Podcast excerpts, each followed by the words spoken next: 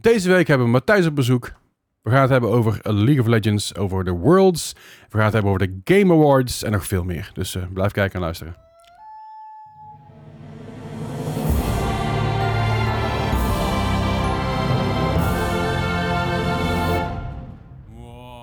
Baby's, baby Echo gaat ook zo, zeg maar. Die Ja? moet je ook zo naringen. Ja? Ja, Is het, is het nog steeds... eh, het is aan het huilen? ja, ja. Eh, nou nee, gewoon iedere drie uur als het, als het honger heeft. Ja, dat is een beetje zoals En I respect that, ja. Ja, ik doe, ik doe hetzelfde, dus Ja. ik, eh, ik zie het probleem niet zo. Ja, jullie hebben weer? volgens mij ook zelf slaapschema. Ja, dat... Zo. ja, ik slaap, begin er niet over. mijn slaapschema is niet best, nee. Maar gelukkig ga ik wel gewoon zelf naar de wc, dat scheelt ook. Zo, Kan ik jou voor de ik zou niet jouw lui...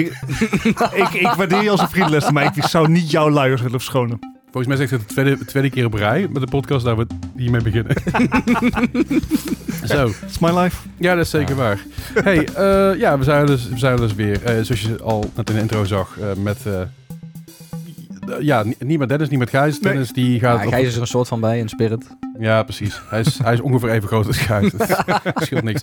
Nee, eh, Dennis die, is, die gaat op vakantie. Die, is, die shit voor aan het bereiden. Gijs die was op cursus. En dat is allemaal moeilijk. En ja, weet je, ik ben toch thuis. Dus ja, waarom ook niet? En, eh, en het ging natuurlijk afgelopen weekend hebben, eh, is eh, Leagues, eh, League Worlds geweest. Klopt. Gaan we het zo meteen over hebben. Dus daarom hebben we Matthijs die hier aanschuift. Ook niet de eerste keer dat jij bij de podcast Nee. aangeschoven bent. De laatste keer denk ik wel een jaar of drie geleden. Ehm, volgens mij was dat 2019. Dus het is vier jaar geleden. Ook rond dezelfde tijd. Want toen was het ook rond de tijd van de wereldkampioenschap. Ja, dat. Coincidence? I think not.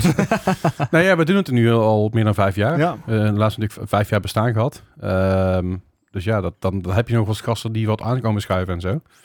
En we zijn al, altijd, ik vind het leuk om je terug te zien. Ja, Ja, dan kom ik, ik- overal tegen, weet je wel. Ja, nee. Ik nou was ook bij, bij de pubquiz natuurlijk. Klopt. Ja, zeker. Daar- Wel die eh, zijn goed, we nog- goed afgegaan. Goed vierde geworden. Eh, Oh, dat is- best oké. ja, maar kijk, als je, als je één en laatste werd, dan, dan had je iets. Of als je eerste, tweede, derde werd. Ja, Dus maar dan, je, je, dan maar weet waarom, de je weet waarom het ene laatste, hè? Je weet, weet, weet Ja, waarom we het ja, gedaan hebben. zo- zodat je juist niveau kan spelen door ex, Yes. expres alles Precies, fout te dan, dan hebben. ga je tanken. En, en dan heb je er alsnog je best gedaan, zeg maar, soort van. Dus vind ik altijd wel... Ik leuk. vind, het wel, ik vind het wel leuk dat je zeg maar, zo'n type prijs hebt. Like, dat, zijn niet veel pubquizzes die zeg maar, daarop Ja. aimen. Ja, want, want dan, heb, dan heb je alsnog gewoon kans om iets te winnen. en, en, Ook al weet je niks. en wij zijn gewend om te verliezen, dus ja. Nou, ja, ja, ik, dat klopt. Ja, ik denk dat deze podcast wel een grote W is. Dus, eh, Hey, Ja, ja, vind, ik- dankjewel. vind ik lief, vind ik lief. Nee, nee eh, we gaan zo meteen veel meer over eh, wat je allemaal Ja. doet en wat er allemaal, wat allemaal spookt in jouw leven. Want het is natuurlijk al even geleden en je doet heel veel nieuwe dingen nu. We gaan het over League Worlds hebben, komt zo meteen ook goed. Ehm, maar allereerst, ik was op Comic Con. Ja. Jij trouwens ook op zaterdag. ja, we, waren, we zijn elkaar net misgelopen. Ja, jij was op zaterdag, ik was op zondag. Ik was mee met eh EOS Gigabyte, eh, zoals ik vorige, vorige keer ook mee was. Hartstikke gezellig. Veel op ouwe hoeren, eh, foto's gemaakt, filmpjes gemaakt. Twee keer mijn vingers open gehaald aan het moederbord. Want we doen zeg maar een speed build challenge. En op een gegeven moment zijn die klemmen zitten zo kloten vast. Dan moet je ze echt loshalen. Ja, op een gegeven moment dan prik je gewoon door je vinger heen met een van die componenten die Ah. uitsteekt. Ja, dan voel je eventjes en denk je, kut, dat is niet handig. Maar heb je wel genoeg lollies gewonnen? Ehm, ja, maar ik, ik was degene die het beeld aan het hosten was. Zeg Oh, maar. je was geen die lollies uit moest delen? Ja, Ja. Ik heb op een gegeven moment gewoon met die stack lollies rond gaan lopen. Lolly, lolly, lolly. nou, ik maakte veel vrienden in één keer hoor. Was leuk. Nou ja, we, we gaan ook allemaal dingen weg. Zo jassen, eh, petten, eh, vesten, tassen, van alles en nog gewoon weer. Ik heb eindelijk weer een nieuwe tas. Dat is ook wel fijn. Maar mijn oude tas van EOS, die was een beetje caduc. Dus ik zei tegen Melle, Melle! Die eh, dus bij EOS werkt. Ehm maak, een nieuw, maak een nieuwe tas. En een nieuwe tas. master. Ja, dat is echt heel chill. Want ik had ook een heel mooi schoudertasje die ongeveer een half, half uur stuk was. Waarschijnlijk ook meer door ik die, heel, die gewoon heel lomp ben. En, en Of je had gewoon heel veel spullen bij je? Nee, dat viel mee. Ik was, gewoon, ik was gewoon heel lomp, want ik trok dat, ik trok dat ritje gewoon kapot. Zeg maar dat, dat, dat hendeltje aan het ritje. Maar ik gebruik het nog steeds, want ik kan en- enkel dicht. Dat zijn wel niet belangrijk. Maar Comic Con was leuk, was gezellig. Eh, ik heb nog een beetje een rondje gedaan over de beurs, maar dat is zo stervig dat ik, dacht van die vendorhal. De vendorhal, even voor de mensen die dat niet weten. Een vendorhal is eigenlijk waar je shit kan kopen. En heel veel mensen die gaan naar Comic Con om shit te kopen. Of ze gaan op de foto met Elijah Wood voor 400 euro of zo. Moet je nagaan, hè? Dat je entree betaalt om daarna nog meer geld uit te geven. Ja, dat vind ik altijd intens. Maar aan de andere kant, het is logisch, want op een festival doe, doe je het ook. Weet je, op een festival ga je ook En voor... dat is vooral eten en drinken. Nu ga je eigenlijk... je, koopt ook, je koopt ook merchandise. ja, maar nu, nu betaal je entree om een winkel binnen te gaan.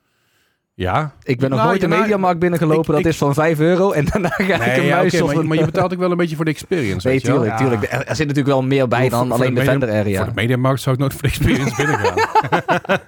dat is... Nou ja, ik ben er wel eens binnen gegaan. Ik heb het verhaal wel wel eens verteld. Dat ik kerel probeerde toen een tv aan te, aan te smeren bij Eddie. eh, Eddie die ooit met samen ons botter op begonnen is lang lang geleden. Mhm. En die kerel, wel eens, weet je, we gaan gewoon doen alsof we niks weten. we weten- we wisten natuurlijk best wel veel. En die keer begon te praten over tv, dit en dat. En, oh ja, oh ja, interessant. Ja, en voor gaming. Ja, dan moet je deze bakken. Kijk, die eh 50 milliseconden input, input delay. Mhm, hm, Mhm. Oké, oké, oké. Chill, oké. En eh, ja, wat, eh, wat er meer? Ja, en eh, je, je, als je dan deze tv koopt, als je dat vandaag dan doet, dan krijg je een gold-plated HDMI-kabel bij. Dit is voor de duidelijkheid niet in de tijd dat HDMI 2.1 en 2.2 dat soort dingen een ding waren. Dit was gewoon oldschool HDMI. Het waren tv's die net zeg maar 1080p waren, net voorbij de 1080i 30 generatie. hertz. Nou ja, nee, wel, wel gewoon, wel gewoon Hm? fatsoenlijk, fatsoenlijke normale, rel- relatief goede refresh rate. Maar die kerel begon zo van, ja, de gold-plated cable. Oh, wat doet dat als een gold-plated cable? Ja, dat zorgt ervoor dat, dat het signaal extra, extra crisp is. En een moment, ik kon het niet meer, ik trok het niet meer. Ik zeg, maar HDMI is toch digitaal signaal? Ja, ja, ja. Maar dat is, dan, dan heeft het toch geen last? Analoog signaal, snap ik het. Dan heb je gelijk, het moet geleiden. Maar het is het digitaal signaal, dat is niet hoe het werkt. En dan zou ik zo aan het kijken, oh, je hebt er blijkbaar wel verstand van. Ja, jij blijkbaar niet. dus eh, dat Jij was- moet dat was- verkopen. Ja, dat was wel een leuke experience daar. Maar dat eieren eten met kabels heb je nou weer met USB, hè? Ja, ja. Zeg maar... Je hebt, je hebt zeker op Amazon barst van die USB-kabels. Het, het is Black Friday, dus ik ben alle lijst aan het afgaan. en dan heb je USB-kabel 100 watt. Maar dat is dan wel maar USB 2.0 data transfer. En dan heb je natuurlijk ook USB 3.2 Gen 1 kabels. Maar die kunnen dan maar weer 65 watt doorgaan. Je hebt natuurlijk ook wel kabels die 240 watt al kunnen geven. Maar die kunnen dan weer USB 3.1 eh speeds. Ja. Het is niet oké. Weet je, Maar wat nou als je gewoon ergens- een USB-kabel wil? Ja, nee, nee, er- nee. er- ergens, ergens ga ik gewoon de lightning kabel van Apple missen dadelijk. Ja, ja, ja. Eh, man. Nee, maar ik, ik snap je. Het, het, is, het is heel verwarrend ook. Het is ook met, vooral met, met, de, met de, de stap naar USB 3, eh 3 toe, zeg maar. USB-C bedoel ik. USB 3. USB-C toe was het ook... Oké, ik heb een USB-C kabel. Ik heb mijn apparaat opladen. Die doet het niet. Dat is in het begin van de USB-C. Hoezo doet hij het niet? Steek met een PC, doet hij het wel. Qua data. En ik, oh, dit is een datakabel. Ja. Oké, cool. En dan pak ik die andere kabel. Die doet het wel qua opladen, maar weer niet, niet qua data. Ik dacht van... Wat? En dan heb ik, dan heb ik drie hele dure kabels gekocht. Die heb ik nog steeds en die werken nog steeds. En mijn capture card is ook aan. Alles, alles hangt eraan. Zijn we prijzige kabels? But shit works. Ja, ja. Dan maar iets meer uitgeven voor, eh, voor fucking kabels. Maar ja, goed. Maar ik snap je, Black Friday is ook natuurlijk weer helemaal los. Ehm, Ja. Heb je dingen op het oog? Ja. Wa- Wat? USB-kabels. I kid you not, ja. Buiten Zeg maar, USB-kabels? ik, ik, ik had laatst had ik eh, even een, een- gewoon een degelijke USB-kabel gekocht. En alleen die was twee meter. Acties van, eigenlijk heb ik ook kort genomen. Ik wil sowieso een half metertje en een metertje. En dan weet ik gewoon, ik heb een set van USB-kabels met zeg maar USB eh 3.2 Gen 2 bij 2. Ah shit you not, dat is de officiële naam. Oké. Dat is 20 Klinkt gigabyte. als een rekensom. I know, 20 gigabyte eh, per seconde eh, transfer speeds. Oké. Eh, het voormalige USB 3.2 voordat ze de hele renaming scheme hebben gedaan. Mm. Uh, Mm. En 100 watt uh, opladen. Dus ja, daar kan je in principe alles mee. Ja. Ja. Uh, je hebt al USB-kabels die 240 watt kunnen opladen, Mhm. maar je hebt nog geen opladers die 240 watt kunnen leveren. En Hmm. ik heb ook niks. Dus dan heb je wel een kabel, maar dan heb je zeg maar niet het stukje waar je hem aan moet zetten. Die, aha. Ja. Ja, maar dat, is hetzelfde probleem als met... ehm, je, je hebt, je hebt eh, camera's die kunnen 12K filmen. Waar het niet dat je het nergens op af kan spelen, want dat is er nog niet. Nee. Dus de technologie loopt soms voor op iets anders. Ja. Dat, dat gebeurt heel vaak, vooral in, ja, voor- maar vooral in gadgetwereld en gadgetland en ook video en audio en zo. Heb je wel eens nou, dat je dus iets hebt wat het al kan maken, maar nog niet af kan spelen. En dat is bij 12K heel erg een probleem. Ja. Want die hurdle schijnt dus iets groter te zijn dan ze inschatten in eerste instantie. Dus daar zijn ze nog een beetje aan het, eh, aan het struggelen. Ja. Oké, maar, Maar, nog, nog nou meer? goed, ehm, eh, gaming, podcast, zegt men. Ja, Ehm, nou, Ja, ik wil heel graag mijn PC upgraden. Eh, ik heb een wat oudere processor, maar het nadeel van een processor upgrade is dat je natuurlijk ook meteen je doorgaans je RAM en moederbord eh, moet eh, doen. Dus dan, dan tikt het ook al wel weer hard aan. En is het nou echt nodig? Eh, zeg maar als je thuis moet verantwoorden, soms niet. Mm, Ehm, mm, mm. Game Mania heeft eh, redelijk wat aanbiedingen. Ja, sorry, Dus, ja. eh, en ik, ik heb natuurlijk nog een PlayStation 5 met disk drive en een Switch. En Ja. ik heb mijzelf eigenlijk voorgenomen om, als ik een game koop, om dat zoveel mogelijk gewoon fysiek te doen. Ja. Mm, Eh, mm. Gewoon als statement. Oh, en doorgaans, oh, zeker bij PlayStation, zijn eh, fysieke versies, die hebben gewoon soms betere discounts. Ja, plus Ja. als je een fysieke versie hebt, bijvoorbeeld bij spellen zoals eh, de nieuwe Spider-Man 2, ehm, dan als er een, nee, nee, nee, maar al- als er dan een software update is, waarbij je bijvoorbeeld niet meer kan freeroamen als Venom, omdat dat voor zeg maar issues zou zorgen, dan omdat je de physical copy hebt, dan hoef je hem niet per se te updaten Ja. en dan kun je gewoon nog steeds als Venom spelen en je save data corrupten. Het enige, eh, nadeel is, sommige fysieke versies van de laatste van Spider-Man 2, eh, die deden het simpelweg niet. Oké, Die ja, dat waren is dan corrupted nog met een- data op de... Oh, die waren al corrupt. Ja. Ja, oké, maar dan kun je wel terug naar de winkel. Ja, sturen. precies. Ja, ja. Nee, eh, dus, dus eh, ik heb nog een beetje mijn oog op, eh, op games. Voor de rest eh, wat, wat camera gear, eh, eh, tripods, Mm. dat soort ongein. ja, ja. Ah, ja, oh, en ehm, altijd met Black Friday SSD. SSD eh, en, en SD ook. Ik heb ook wat Oh. SD-kaartjes besteld, want Oh, ja. heb je nooit genoeg. Vooral de micro SD.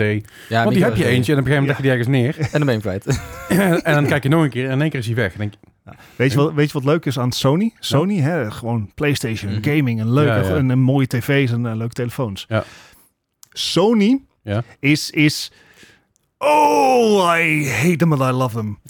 oké. Alles van Sony is proprietary. Ja, Hun camera's...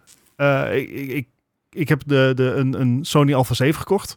Ja. Eh, fantastisch apparaat. Gewoon, E-mount. Hm? Als e-mount, ja. Eh, als iemand, dat is oké. Iedere camera, eh, eh, cameramaker heeft zijn eigen mounting waar je de lens op kan draaien. Ja. Nee, nee. Iedere camera werkt met ofwel de standaard CF-kaarten of met SD-kaarten. Ja. Behalve Sony. Sony werkt met CF Express kaarten. Weet je welke andere camerafabrikant met CF Express kaarten werkt? Nee? Sony. Oh. Ja. Maar wat- mijn, mijn, mijn Sony, mijn oude Sony, eh, mijn, al, mijn, mijn oude Alpha, de Nex 7, dat is een van de eerste, eerste echt zeg maar, Mhm. semi-professionele Alpha's. Daar kan er gewoon, daar kan een SD-kaart in. Ja, dus, dus jij had, je had zeg maar die, die tranquil face tussen zeg Sweet maar die oude, oude Sony memory sticks. Ja. Eh, die, die in de Vita Ja, gingen en Vita, zo. ja, ja. En de, en de eh, eh, PSP. Pakken dingen.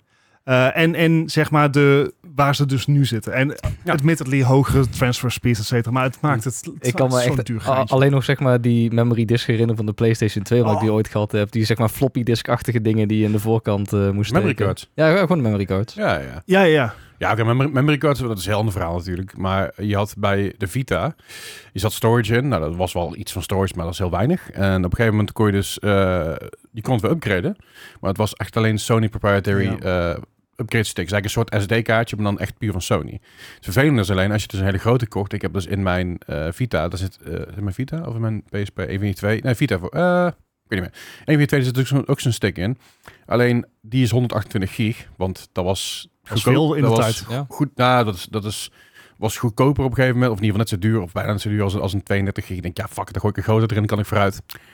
probleem is alleen dat sommige disc games, zoals Tony Hawk's Pro Skater Underground 2, die eh, draait dus niet omdat het te eh, groot geheugen is. Ah ja. Maar moet je hem dan eerst gewoon deels vol zetten of helpt dat nee, ook niet? Nee, hij, Nee. hij pakt gewoon de kaart niet. Ja, Oh, de, oké. de disc snapt niet wat ik... En de software updates voor die... Wat is, was, voor de PSP. Mhm.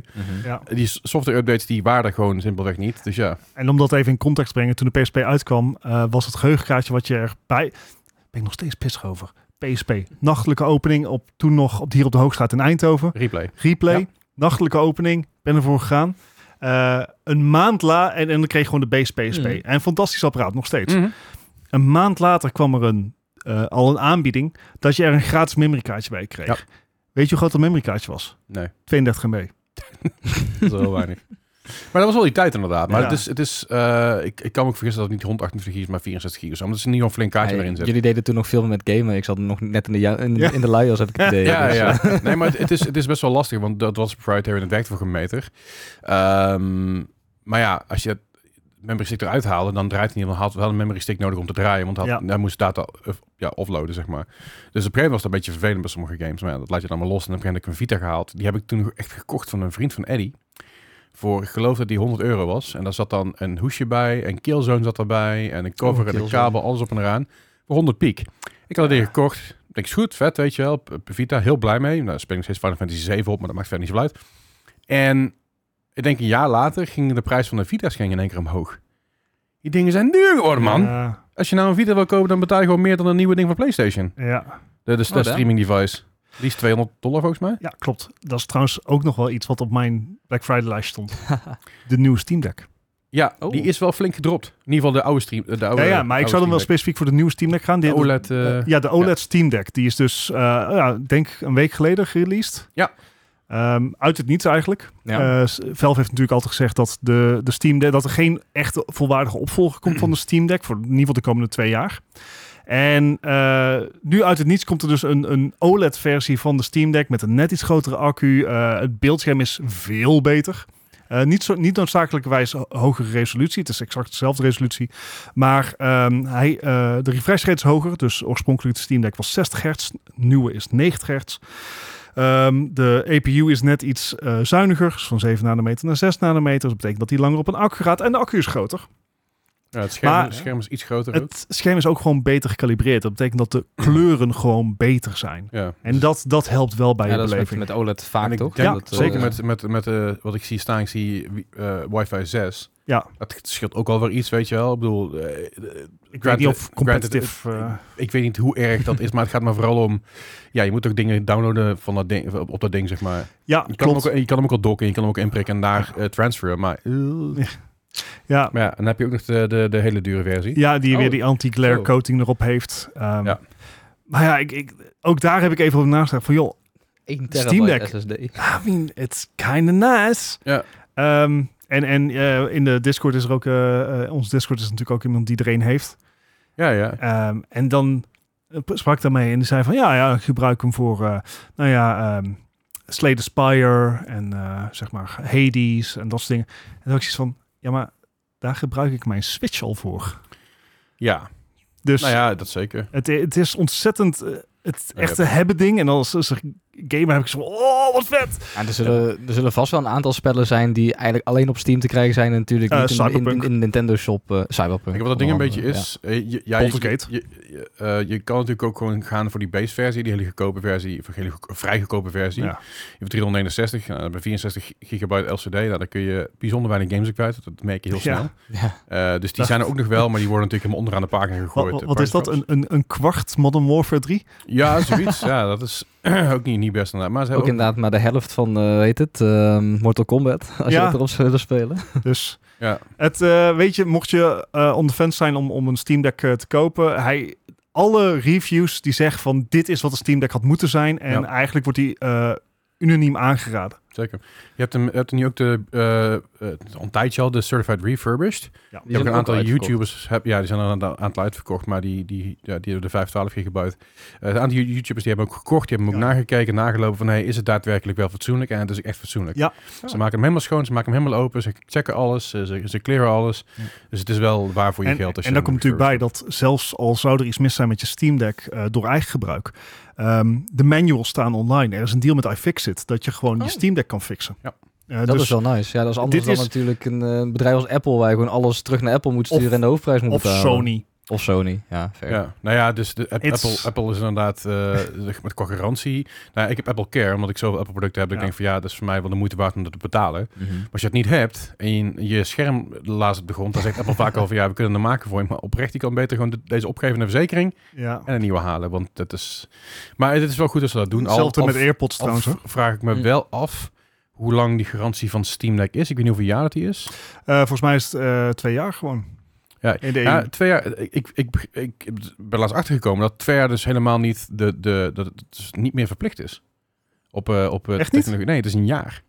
Ah, Ja, ik, ik, dacht, ik was er heilig van overtuigd dat dat twee jaar was. Ja. En volgens mij is het ook al thuis zo geweest. Maar binnen Nederland is het zo dat je dus binnen een jaar eh redelijkerwijs zeg maar vanuit mag gaan dat het gewoon te fixen is. Het ligt en er een beetje en aan en het, het, product, vol- het volgende jaar, zeg maar, als er dan iets gebeurt wat daadwerkelijk erkend wordt van hey, dit is nou een probleem wat er is, dat Ja. weten we, dan daar sta ik wel in je recht. Maar er zijn heel veel rare regels voor. ja, bijvoorbeeld accu's vallen er ook niet onder.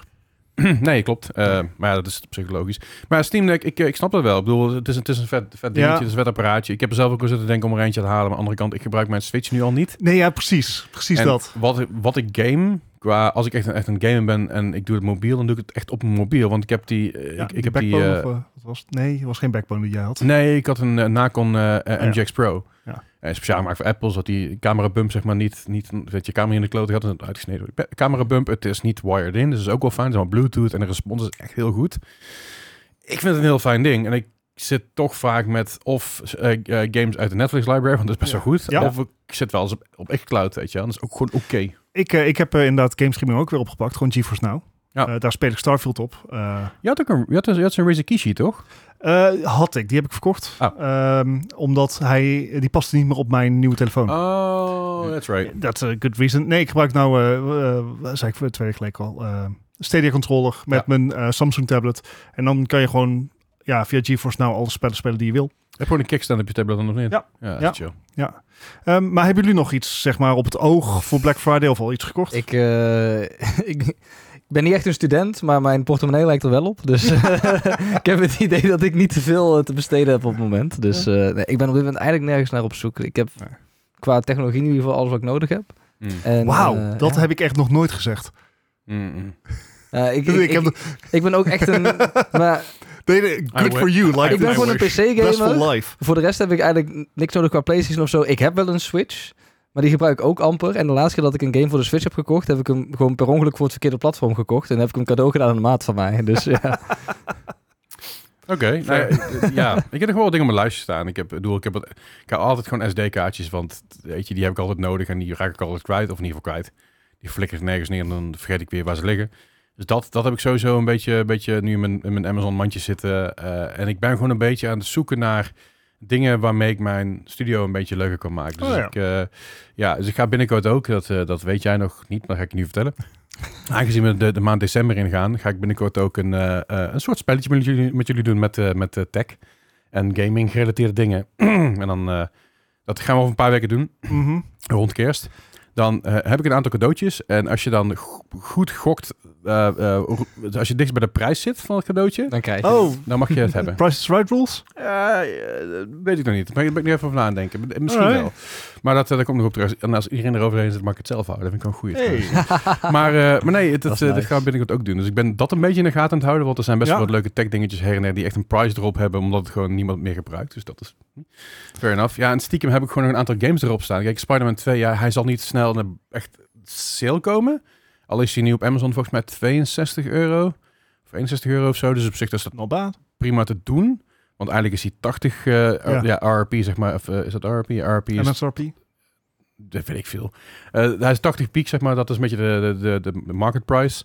Ehm, maar ja, goed, Amazon zit altijd on- on- Ja. daaronder, dat weten we. Maar ik wacht eigenlijk nog een beetje tot echt daadwerkelijk vrijdag. Tot ik denk van, oeh, Ja. misschien kan ik hem nu happen. Ehm, want ik heb nog 50 euro, een giftcard, 50 euro van Amazon. Dus ik denk, ja, aan de kant voor 12 euro heb ik hem dan binnen. Maar ik Hij ook- zal vrijdag ook nog op voorraad zijn. nou ja, dat vergeet. En dit, dus ik heb de- de- Spider-Man staat me heel erg nou, Ja. dicht bij het hart. Ik heb de eerste Spider-Man game, in ieder geval de eerste Spider-Man, ja, de eerste keer heb ik ook gespeeld, maar de eerste PS4 of Next Gen Spider-Man game. Ik heb die gekocht en die had ik binnen negen dagen had ik die platinum. Ja. Ik heb die ga- Ja, game gegrind, want ik vond hem zo vet. En toen deze aangekondigd, ja, die ga ik op release halen. Alleen toen kwam ik erachter dat ik helemaal geen tijd had. Dus ik had van, ja, ik kan hem nu halen. Ik had hem besteld bij Netgame en uiteindelijk is nooit aangekomen. Dus ik heb mijn geld teruggekregen. Nou, prima. Toen dacht ik, ja, fuck het, weet je. Ik heb toch geen tijd hiervoor. Ik bedoel, ik ben ook bezig met Starfield ondertussen. Ik krijg ik heb mijn Starfield jas deze week binnen, ook heel chill. Niet gekocht op Black Friday, maar gekregen. Maar dat is een ander verhaal. Of ja, gekregen, heb ik voor gewerkt. Ehm, eh, dus die krijg ik nog binnen. Ik heb nog wel een t-shirt gekocht. eh, die probeer ik over twee weken dan aan te trekken. is ook wel leuk. Ga ik niet zeggen welke het is. Ehm, dus daar heb ik nog wel gehaald. Maar voor de rest, ik ben gewoon een beetje aan het zoeken naar deals. La- ik laat me een beetje verrassen. ja. En dat, daar is Amazon het heel goed in, want die weten precies wat ik wil. Ja. Dat is heel gek. Iets van algoritme of zo? Ja, Of, ja, het is sowieso. Eh, en het andere wat ik nog zit te denken is een ring deur-. Want die zijn er ook best wel. in. Oh, ja. Oh, ja. Die zijn nu, volgens mij heb je 60 piek en dan heb je, en heb je zo'n ding met zo'n unit erbij. Ja, ik eh, moet zeggen, ik, ik, ik moest kiezen aan wie ik mijn ziel zou verkopen. En ik heb toen Google gekozen, want die, wist, die weten toch allemaal al. Nou, het ding is een beetje, ik heb heel veel dingen van Google in mijn huis, weet je, Google Home en alles op en eraan, maar en ik, weet je, helemaal, helemaal smart system, allemaal lampen zijn Google. Maar het probleem is dat die Google ehm, Nest Doorbell. Nest, die is nu ook in de aanbieding Black Friday, maar die is dus nog 160 piek. Oh, wauw. Ja. Ja, en dat vind ik nou niet echt Eh, dat ik zeg een De battery power is goedkoper. Hoeveel goedkoper? Ik had hem voor 120. Het is steeds twee keer zo duur als de ring. That's very true. Met unit, zeg maar. Ja. Nou ja, ik, ik, ik, vind, ik merk gewoon dat ik, als ik als bijvoorbeeld hier boven zit en de deurbel gaat beneden, dan heb ik wel zo'n ding staan. Maar dat is veel makkelijker om even Ja, nee, op het, te nemen. Yo, kom eraan. ja, het werkt echt goed. Want Ja, dat die kan ik me wel PostNL voorstellen. PostNL pieps, eh, weet je, ik snap jullie echt heel zwaar werk hebben, dus geen disrespect naar jullie toe. Maar je bent niet maar, thuis volgens maar mij. wacht even gewoon, zeg maar, Ja. drie seconden tot ik bij de deur ben, voordat je wegloopt. Chill. Mag je hem weer eh, op gaan halen bij een PostNL-punt en dan... eh, Nou ja, ik, ik, ik, had, ik had vandaag een pakketje verwacht. Die zou tussen, tussen eh, 10 en 1 binnenkomen. Nou, ik was om 5 over 1 was ik weg. Toen was ik nog steeds niet. Uiteindelijk kom je om 3 uur binnen. Maar was niet binnen, want ja, was, was niet thuis. En ik heb hem heel mooi aangevinkt. Flikker bij de buren af. Hebben ze niet gedaan. Dus dan gaan ze hem naar een punt toe brengen. Morgen pas. Ja. maar ja. DHL heeft, dus DHL trouwens, die hebben het zo gedaan dat je dus ook kan kiezen om het de dag daarna nog een keer te laten bezorgen. Of bij de buren, of bij jezelf. Of je mag het ergens neerleggen. Ze hebben nou opties en dat vind ik heel chill. Ja. En PostNL is gewoon, je bent niet thuis, doei. morgen nog een keer. Als het morgen weer niet is, dan dan gooit het ergens neer. ja, dan gooi je bij een punt en dan heb je een week om het op te halen en Ja. dan is het retour gedaan. Nou, Succes. en dat is nog eens een keer, het punt is dan niet zeg maar een punt dat aan het dichtstbijzijnde zit. Nee, En het is een kant punt, van de stad. dan is hij er tot maximaal een zondag. Alleen dan ben je bijvoorbeeld net de hele week weg tot zaterdag. En die zondag is die winkel dicht. Dus dan maandag wordt alles weggeflikkerd. Ja, nou, die wordt niet wegvliegen van teruggestuurd. Nee, oké, maar je begrijpt wat ik bedoel. Ja, ik snap. Nee, maar dat is, eh, dat is natuurlijk wel, eh, wel wat. En ja, voor de rest Black Friday. Ik zie wel, ik, ik, de Steam sale natuurlijk is ook allemaal los. Eh, er zijn wel wat dingen tussen dat ik denk van, oeh, maybe. Mhm. Eh, Maar niks echt dat er echt uitspringt of zo. Dus ik laat me een beetje verrassen. Dus ik over twee weken dan hoor je het wel wat ik allemaal gekocht heb. Ja, ik ben benieuwd. Ik ben heb dit jaar in ieder geval geen tv gekocht. Die heb ik vorig jaar wel gekocht. Ja. Zo, de, de 65 inch bakbeest die net op het kastje past. Gaat helemaal nergens over. Dus dat, ja, Black Friday dan eventjes daar, eh, daar doorheen, ge- Ja. ja. daarheen gegaan. Ehm, zullen, we, zullen we het even kort over de, eh, eh, over de, de Game Awards hebben? Ja, of is eerst goed. even naar Worlds? Of de eerste over de Game Awards? Eh, nee, World, en dan kunnen we daarna denk ik eh Matthijs even... ja, helemaal goed. De, de, lijf- de hemd van het lijf vragen. Excuus. Dus sloopt hij de boel meteen. Nee, eh, de Game Awards. Natuurlijk, vorige week zeiden we het al, de nominees worden aangekondigd. Dat is dan was precies de maandag daarna dat wij klaar waren met opnemen. Ehm, Toevallig. Ja, eh, nee, dat is bewust. ja, dat doen ze altijd. Nou ja, dat is ook niet erg, want, want we zitten nou één keer in twee weken, we zitten nou één keer in de twee weken met opnemen natuurlijk. We doen om de week, eh, in plaats van elke week, want wij hebben ook gewoon een leven. En, en sommige mensen hebben een kind. Eh, ik niet trouwens, hij, voor de duidelijkheid. Eh, Voor, voor zover je weet. Zover ik weet, ja. Ik, ik, ik heb wat gezegd, ik, vind, ik zou in ieder geval eens naar te kijken als we daar denken, ding dong, papa. Weet je, ja, van een kind van 18 en eigenlijk, nou goed, zal me wel loslopen. Nominees. Eh, we gaan niet Het is alles... weer een flinke... Dit, dit wordt weer typisch zo'n lijstje waarbij de, eh, de helft van al de categorieën die ze eh, Game Awards bekend hebben gemaakt, dat dat gewoon even in een of andere pre-show gewoon even doorheen wordt ge... Ja, ja, ja. De, dat de Game zo Awards, zonde. de Game Awards, oh, ik, noem, het- ik noem bijvoorbeeld iets. Ze beginnen om 8 uur, noem maar iets. Ja. Hè. Dat staat een, en om half acht krijg je dan eh, bijvoorbeeld Best Sim Strategy, die wordt dan aangekondigd. Ja. Het is iets raars. Maar we gaan niet, we gaan niet door alles zijn, want dat is veel te veel, veel, te veel werk. Ehm, maar we hebben natuurlijk bij Best Game of the Year, ja, de belangrijkste. Alan Wake 2, Baldur's Gate 3, Marvel Spider-Man 2, Resident Evil 4, Super Mario, Wonder- eh, Super Mario Bros. Wonder, Legend of Zelda Tears in the Kingdom.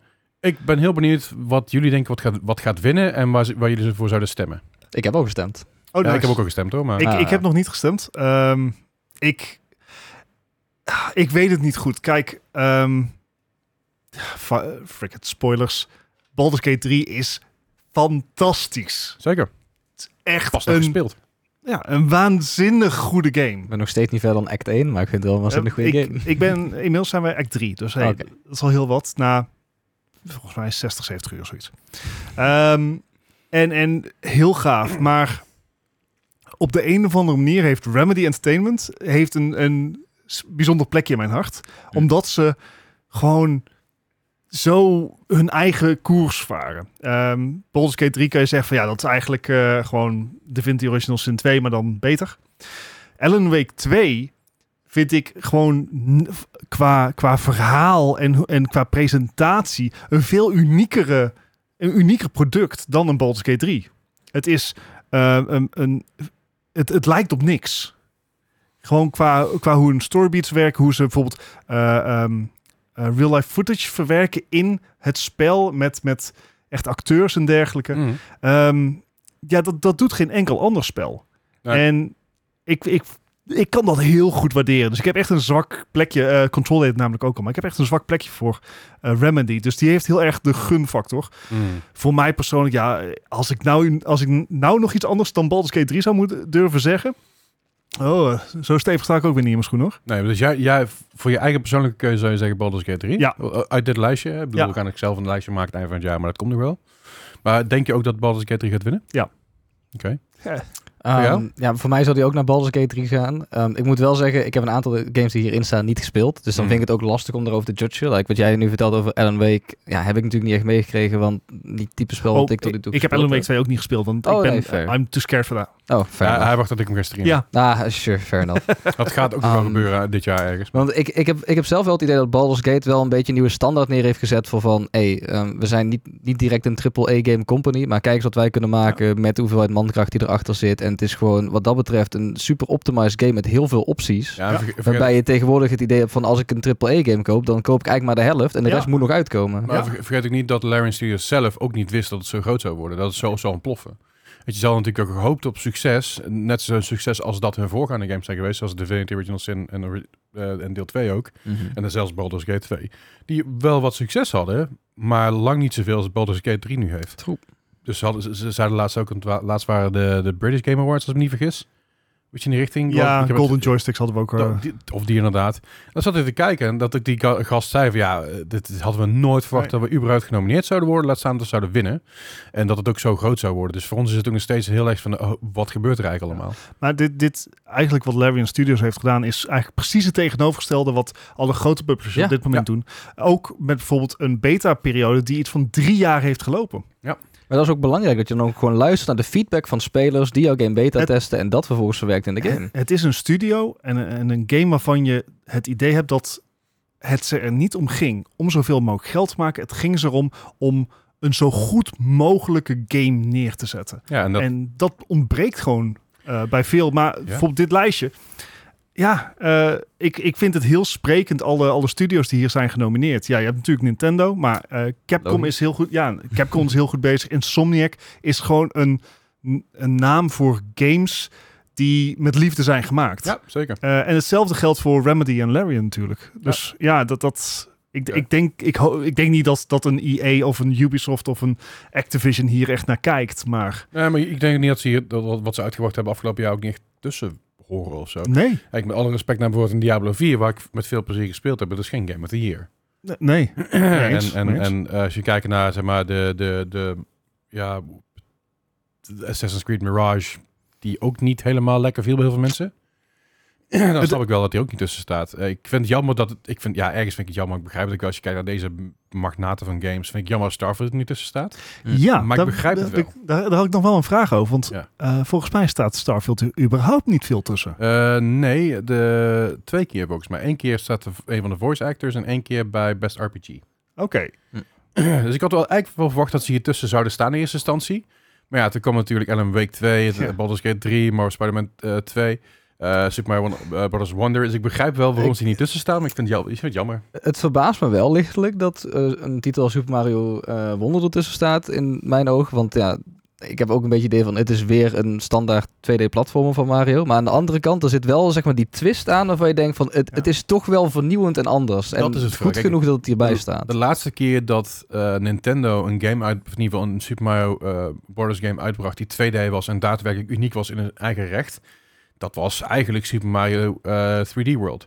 Ja. Dat is eigenlijk het laatste echt unieke wat ze neergepland hebben. En alles wat daarop volgend is, dus de, de remasters, remakes, et cetera, heb ik het niet over de 3D-games, heb ik niet over Ja, Odyssey. Odyssey is natuurlijk heel anders. Dat is, eh. dat, die, die laat ik even. Dit is de eerste keer in jaren dat ze iets uitgebracht hebben. En eh, eh, hoe goed, het is echt enorm goed natuurlijk. Maar hoe, hoe ze het ook gedaan hebben, hoe ze het ook neergezet hebben. De unieke dingen die erbij gekomen zijn. En de hele wereld gaat open, ook voor mensen die bijvoorbeeld ROM-hacks maken. Ja, dan gaan meteen natuurlijk, ik zit zelf heel erg in de Super Mario Maker 2 communities. Daar gaat weer een heel verhaal van, oh ja, als Super Mario Maker 3 doen, dan kunnen ze dit ook implementeren. En Klopt. er zijn natuurlijk heel veel dingen, daar is heel veel buzz omheen. En, en sowieso gewoon kudos als je na eh 30 jaar nog steeds een vernieuwende 2D Mario kan maken. Ja, ze hebben Eh, natuurlijk wel die nieuwe power-up gemaakt. Hè? Bijna- een bijna- olifant worden. Ja, dus- Bijna 40, bijna 40 jaar, hè? Bijna 40 jaar. Ja, 86 insanity. kwam er de eerste uit. eh volgens mij. Ja, maar dat, dat, 86? dat zeggen, Ja. zeggen dat dat bijna 40 is, is ook erkennen dat wij bijna 40 zijn. Ik weet niet of ik daar klaar voor ben. om dan, om dan alsnog terug te komen op wie ik denk dat er gaat winnen. Ja. Ik denk dat er genoeg Nintendo-stands zijn om Legend of Zelda Tears of the Kingdom te laten winnen. Wacht even. Ja, je moet onthouden dat de votes is 20% van de input. Oké. Overige 80% is een, is, is een jury. Jury. Er zijn jury met mensen uit de industrie. Zijn die biased Kojima. richting Nintendo? Nee, want dat is het hele punt van de jury. Die, ze moeten neutraal zijn. Ja. Ja, dat zeg je. En, en het is ook niet een jury van zeg maar zes mensen. Hè. Het is een nee, flinke klopt. jury. Dat klopt. En Ja, die ik- kijken ook naar de kwaliteit van de game. ik weet het niet. teruggevraagd. Ik, ik, ik, ik, zou, ik zou heel graag willen dat, dat Baldur's Gate wint, met dus die nieuwe standaard die ze neergezet hebben. Maar toch iets in mij heeft het idee dat er een hele grote kans is dat Legend of Zelda Tales, Tales of the Kingdom het toch gaat winnen. Hm. Again, eh koffiedik kijken natuurlijk. Ik denk het niet. Ik denk echt dat Baldur's Gate mee naar huis gaat nemen. Want dat deden ze ook al bij de Golden Joysticks. Ja, Hebben ze er negen gewonnen. Ik denk ook dat het een beetje een aanfluiting is dat Baldur's Gate 3 niet wint, even lullig gezegd. Want dat is de grootste verrassing van het Ja, jaar. Ja, Een van de hoogst gereden games van het jaar. Ik geloof die Ja. 96 heet of met ik weet ik of rond de koers. Ja. Dus een instant must play. Eh, dus ik, ik zou het raar vinden als, als Baldur's Gate 3 deze niet vindt. Mijn vote ging persoonlijk naar Resident Evil 4. Maar dat is A, omdat ik Marvel Spider-Man 2 niet gespeeld heb en week ook niet.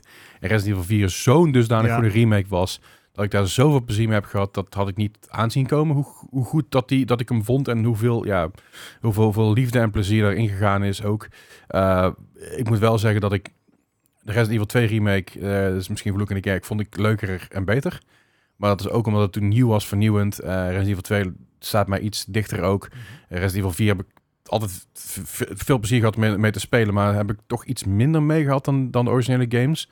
Ehm, maar voor mij zou dit lijstje toch op dit moment in ieder geval Resident Evil 4 hem mogen hebben voor me. Maar ik denk dat Baldur's Gate 3 hem gaat pakken. En dat- dat vind ik ook terecht, dat even, dat even erop gesteld. Dus, eh, dus dat. Ehm, er zijn natuurlijk veel meer categorieën. Ik bedoel, als je gaat kijken naar... eh, dan gaan we even terug naar, het, naar het lijstje. Een soort van... Moet ik weer maar terug, want die website is fijn gemaakt. Weet je, we hebben Best Game Direction, Best Narrative, Art Ah. Direction, eh, Score and Music, Audio Design. Ik denk, Dus, ik, ik denk dat er eentje is waar wij het wel over eens kunnen zijn Oh. dat we vrij zeker weten dat, of wie het gaat winnen. Oké. Most anticipated game. Hades 2. Kan niet anders. Ik pak hem even erbij. Sowieso even nog bijgezegd dat, dat de categorie nergens op slaat. Nee, fair. maar, Nee, maar, Maar- Dit, is, dit, is, dit zijn games. eh wij, we hadden het net even buiten over. We Ja. hadden, eh, eh, waarom GTA 6 hier tussen staat. Nou, dat is simpelweg. Al deze games hebben een release window. Ja. Eh, niet per se een release date, maar ze hebben een release window van hey, dan komt deze game uit. GTA 6 heeft dat niet. Dat wordt ergens in december aangekondigd. Geloof ik toch? Nou, de trailer. Ze, hebben technisch gezien niet eens de game aangekondigd. Oh ja, nee, ja, klopt. ze hebben gezegd, ja, we zijn ermee in ontwikkeling. Dat wisten we natuurlijk al, want Ja, ja. van vorig jaar hadden we al die grote leak. Ehm, maar nee, afgelopen week kwam het blijde nieuws ons te oren dat er begin december een trailer komt. Ja, en dat een, is, tra- een aankondiging voor een trailer. Are you kidding me? De trailer is de aankondiging. ja. ja, maar wacht even. We hebben ook een aankondiging gehad van een logo. van PlayStation. I know. Vergeet dat niet. En dat is steeds een van de meest gelikte gaming posts op Instagram ooit met 5 miljoen of zo. Op maar terug te komen even op, eh, op uh, Most of- yes. ja. Je hebt natuurlijk Final Fantasy 7 eh, Rebirth, Final Fantasy 7 2. Nou ja, goed, Ja. jullie weten al waar ik, waar Ja. ik fan van ben. Hades 2, eh, dan heb je Like a Dragon Infinite Wealth, Star Wars Outlaws en Tekken 8 hier Ja. nog onderaan. En Tekken 8, eh, dat, ik denk niet dat dat heel erg relevant is aangezien Street Fighter 6 zo goed is. Mhm. Dat heel veel mensen zien hebben van, Ja. ja, het komt alweer een keer. Ja, Ja. Hades, Hades is, is ook zo'n zo'n zo'n eh, eh, product of love, net zoals Baldur's Gate en Alan Wake dat zijn. Ja. De gunfactor. Ik, ik ben wel, ja, noem het sceptisch. Ehm, ik had niet aanzien komen dat er een vervolg zou komen. Ehm, het, het, Hmm. het verhaal leent zich daar geloof ik ook niet heel erg voor. Voor zover Hades, 2 Hades natuurlijk een, een narrative game is, wat het wel is. Maar het, is, het gaat natuurlijk om, om de... Het is een roguelike aan het eh, eind van de dag. precies. Ik, ik zie het dan eigenlijk meer een beetje als... ehm, ik weet niet of je ooit The Binding of Isaac hebt gespeeld. Dat is een van mijn all-time favorites. Ik heb denk ik meer dan 500 uur in die ik heb game zelfs zitten. een boardgame gespeeld. Oh, daar heb ik een pin die van. wil ik hebben. ik, ik was aan het kijken voor die Kickstarter. En Ja. bij Kickstarter kun je alleen maar betalen via creditcard. Ja, ik heb geen creditcard. Dus dan, dan kan ik het ook niet kopen. Maar om in ieder geval nog even, even ter- terug te komen naar het roguelike genre.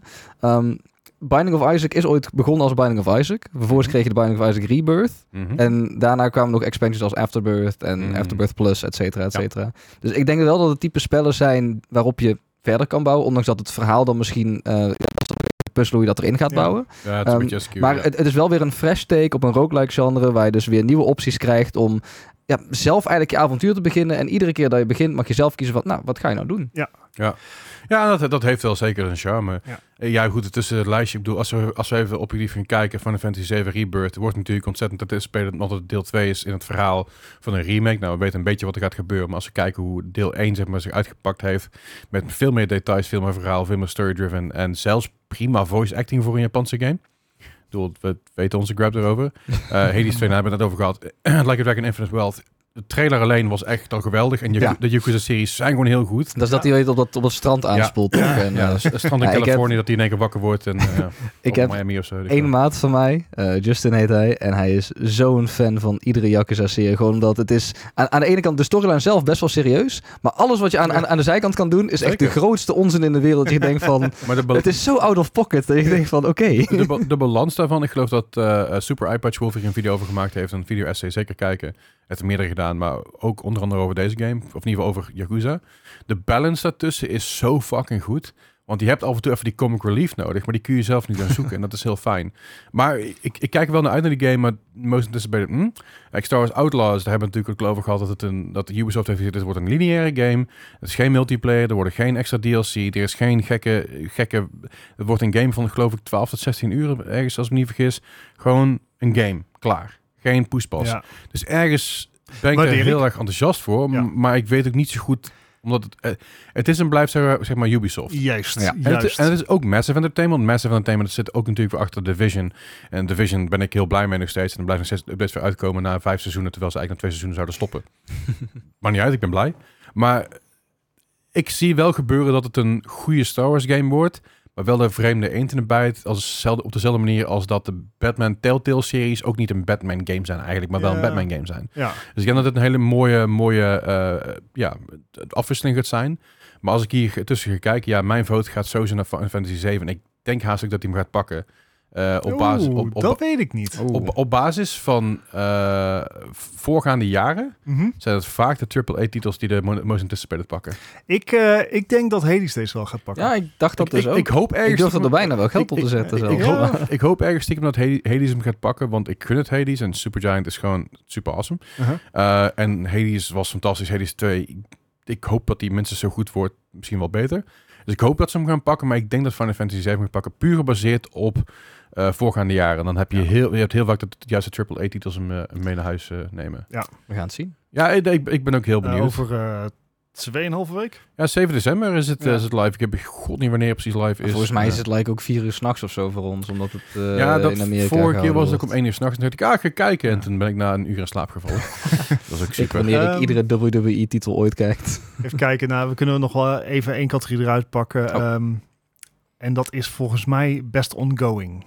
Eh, best ongoing. Eh, Tweede we- rij, vierde van eh, links. Eh, dankjewel.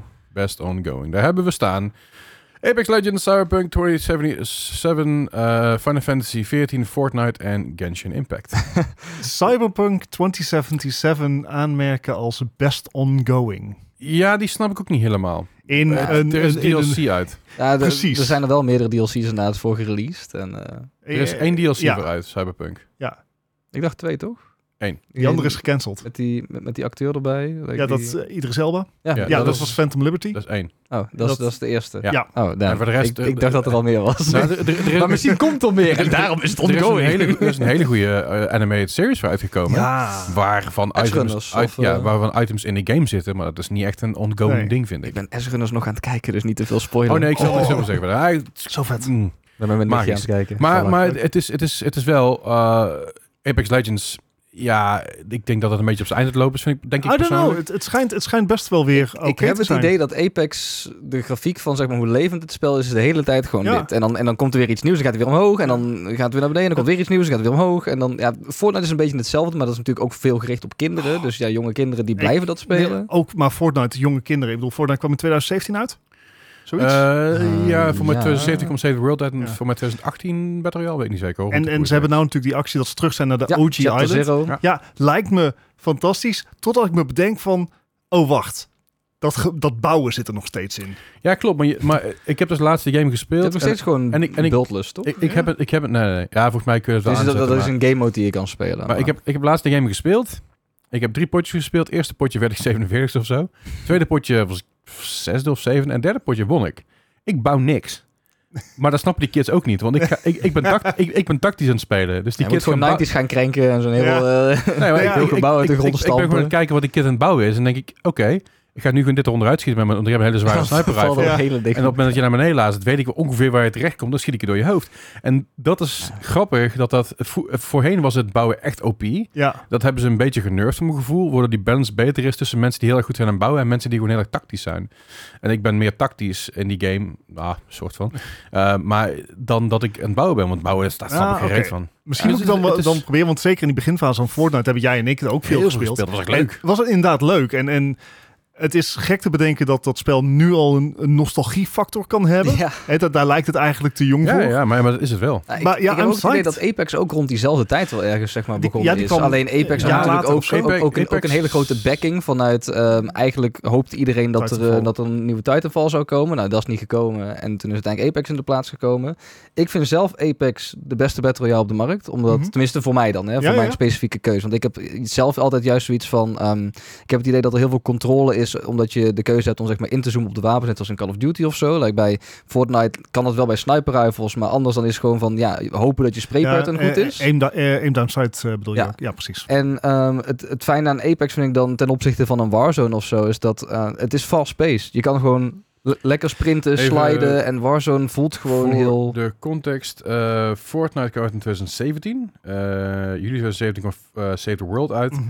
En Battle Royale komt daar kort na uit. Ehm, rond Halloween toen volgens Ja, mij. heeft, en toen heeft het of heel lang in beta gezeten, geloof ik. Apex kwam uit in 2019. Oh, serieus toen? wel, begin, wel begin 2019. Ja, dus aankondiging 2018. Eh, Ja. ja. dus het zit, er zit wel, zit wel anderhalf jaar ongeveer Ja. tussen. Ja. Anderhalf, twee jaar ongeveer. Ehm, maar ja, intussen hebben we natuurlijk ook gewoon PUBG heeft, heeft nog bestaan en staat, bestaat Maar nog ook- steeds. Ook PUBG voelde voor mij heel erg langzaam en dat je inderdaad heel, heel tactisch te werk ging. En Het is een, dan- heel- een compleet andere game. Maar dat Ja. is, de PUBG Mobile is nu enorm.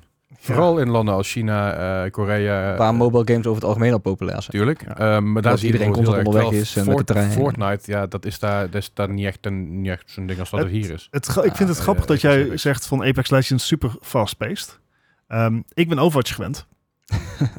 en dat is gewoon niet aflatend van, nee, ik moet dingen doen. Ehm, mijn, mijn ervaring bij Apex, en het is al lang geleden dat ik het heb gespeeld, was altijd van, ik ben 10 minuten bezig met gewoon build-up en rustig aan.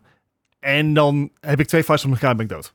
Ja. Zeg maar, dus je hebt een hele langzaam build-up en dan houdt het op. En Ja. Dat is over het algemeen bij Battle Royales wel zeg maar de standaard curve. Ja, Maar ik denk dat bij Apex juist dat de momenten dat er actie is, dat ik, ik het idee heb dat ik meer controle heb, Mhm. omdat het zo fast-paced is, in plaats van dat het voelt bij, als ik aan het shocken ben en ook heel, heel- helemaal moet klimmen. En hier kan ik gewoon tak, tak, tak en dan walljump en dan sta ik op een, op een dak bewijzen van. ja, ja. Ja. Dat voelt voor mij vloeiender. En dan heb ik ook zoiets van, dan, ja, dan speel ik drie games in een half uur als je constant afgeschoten wordt. Ja, maar dan ja. ben je wel ergens mee bezig in plaats van dat ik in Warzone een half uur rond aan het Ja, lopen ben, precies. niemand vindt en vervolgens één sniperschot door mijn hoofd vangen en denk van, ja, oké, dit was mijn ervaring voor vandaag. Ja, precies. Dan moet ik zeggen dat Warzone, eh, ik heb het best wel een tijdje gespeeld. En ik vond Rebirth al het leukste, want dan kon je gewoon door blijven Ja, gaan en terugkomen. en Totdat op een gegeven moment dan... ja, op een eh, gegeven moment ja. is het niet meer, maar ik, ik had er wel een lol aan gehad. Maar om terug te komen, ook terug te komen op deze, deze Ja, natuurlijk. Eh, Eh, Apex- Genshin Impact. Apex Legends, Cyberpunk 2077, eh Final Fantasy 14, Fortnite en eh Genshin Impact. Genshin Ja. Impact is natuurlijk wel een game die echt veel geüpdate wordt. Ja. Ik geloof ze eerst wekelijks updates krijgen, nu nog maandelijks als ik me niet vergis. Maar het verbaast me veel bijna dat de. Honkai Star Rail er niet tussen staat. Ja, hè? Ik had juist het idee dat dat ik een denk beetje de nieuwe versie Ik denk was dat het nog te nieuw is. Ja? En, en da- ik, ik heb toch het idee dat ze dat ook in de markt zetten als hele andere games. Want Genshin Impact is een action RPG. Dus daar ben je constant zelf aan het springen Dat en combos aan het maken. En Honkai Star Rail is echt Ja. een traditionele RPG met timed battles. En ik, ik heb het idee dat, dat men daar gewoon minder op zat te wachten. Ja. Het zal waarschijnlijk alsnog miljarden verdienen hoor. Maar Maar ja, ik net bedoel, als Fire Emblem Heroes en zo. Ja, eh. in Genshin Impact, Gijs speelt ook nog steeds. Hè? Ik Ja. bedoel, die is nog steeds gewoon ongoing daarmee. Dus ik snap het ook wel.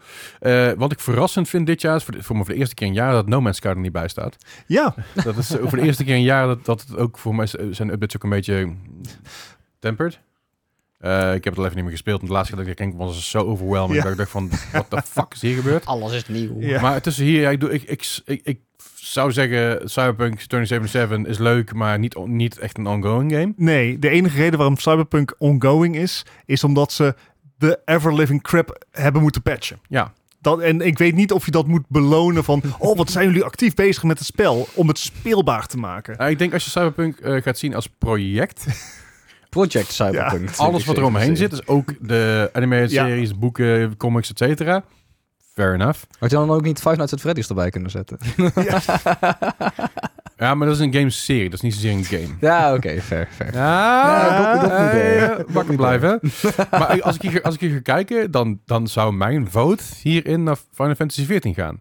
Niet zozeer dat ik het speel, maar de updates, dat dat nog steeds zo blijft. Dat op een gegeven moment dat ze ook gezegd hebben van... hey, we gaan de game even niet meer verkopen, want er is gewoon geen Ja. servercapaciteit. dat ze rekening houden met de fans, dat ze luisteren naar de fans ook. Want als er eh, input is van de fans, dan van de spelers, wordt er ook gezegd van... oké, we hebben jullie geluisterd, we hebben gekeken, we, we nemen op- open input aan. Dus ik zou Final Fantasy 14 zou ik hem heel graag willen gunnen. En eigenlijk ook wel Genshin Impact, maar ook omdat Gijs er niet bij is. en iemand moet het doen. Represent. Jullie? Ik, ehm, ja, ik vind het lastig. Kijk, Apex Legends heb ik al heel lang niet gespeeld. Cyberpunk heb ik al een tijdje niet gespeeld. En vind ik niet helemaal thuis horen in deze categorie. Ehm, de verhalen die je hoort over Final Fantasy 14 zijn wel redelijk hardvormd. Wat jij zegt, Dat, ze ja. luisteren heel goed naar hun eh, fans. Daarnaast is het verhaal ook heel erg goed. Ze hebben afgelopen jaar hebben ze een hele grote verhaalarc afgesloten. En is meteen aangekondigd dat er een nieuwe aankomt. Ja. Ehm, en ja, het heeft wel een soort cult following die zeg maar die meer coherent is dan bijvoorbeeld een Apex of een Fortnite. Ja, Hè, als jij een Final Fantasy 14 speler bent, dan ben jij een Final Fantasy 14 speler. Ja. En als jij een Apex Legends eh, speler bent, dan ben je een shooter speler. Als je begrijpt wat ik bedoel. Ja, Ja, nee, dat, ja, nee, daar- kan ik me wel in vinden. Ja, nee, oké. Dus, dus dat even. Nu moet ik zeggen, bij Final Fantasy 14 zou je ook nog kunnen zeggen van... je houdt van MMORPG's, alleen nu heb je een keer gekozen voor een Japanse MMORPG. Maar het is, het is nog steeds wel, Nou- zeg maar, een type spel wat je niet per se... En, en dat gaat al lang mee, hè? Ja, zeg maar, nee, dat- dat alleen is WoW waar. gaat langer mee, volgens mij. Nou, nee, Lineage ook gaat ook langer mee. Oh, Lineage bestaat 2 die nog? Loopt Het is nog? laatst nog Guild vooruitgekomen. Gee. Lineage Lineage 2 is een update vooruitgekomen. De RuneScape loopt nog steeds. 2, Guild Wars dat loopt nog steeds. Maar Guild Wars is volgens mij qua updates nu gestopt. Eh, ik, ik heb zelf amper Guild Wars 2 gespeeld. Ik heb toevallig vrienden niet Ik, ik, ik weet dat het nog wel eens veel gespeeld wordt, maar dat, dat de con- continuous updates zoals dat ze er waren, dat die Lineage 2 was laatst er een hele grote aankondiging voor. Ik heb volgens mij Guild Wars 2 op CD-ROM.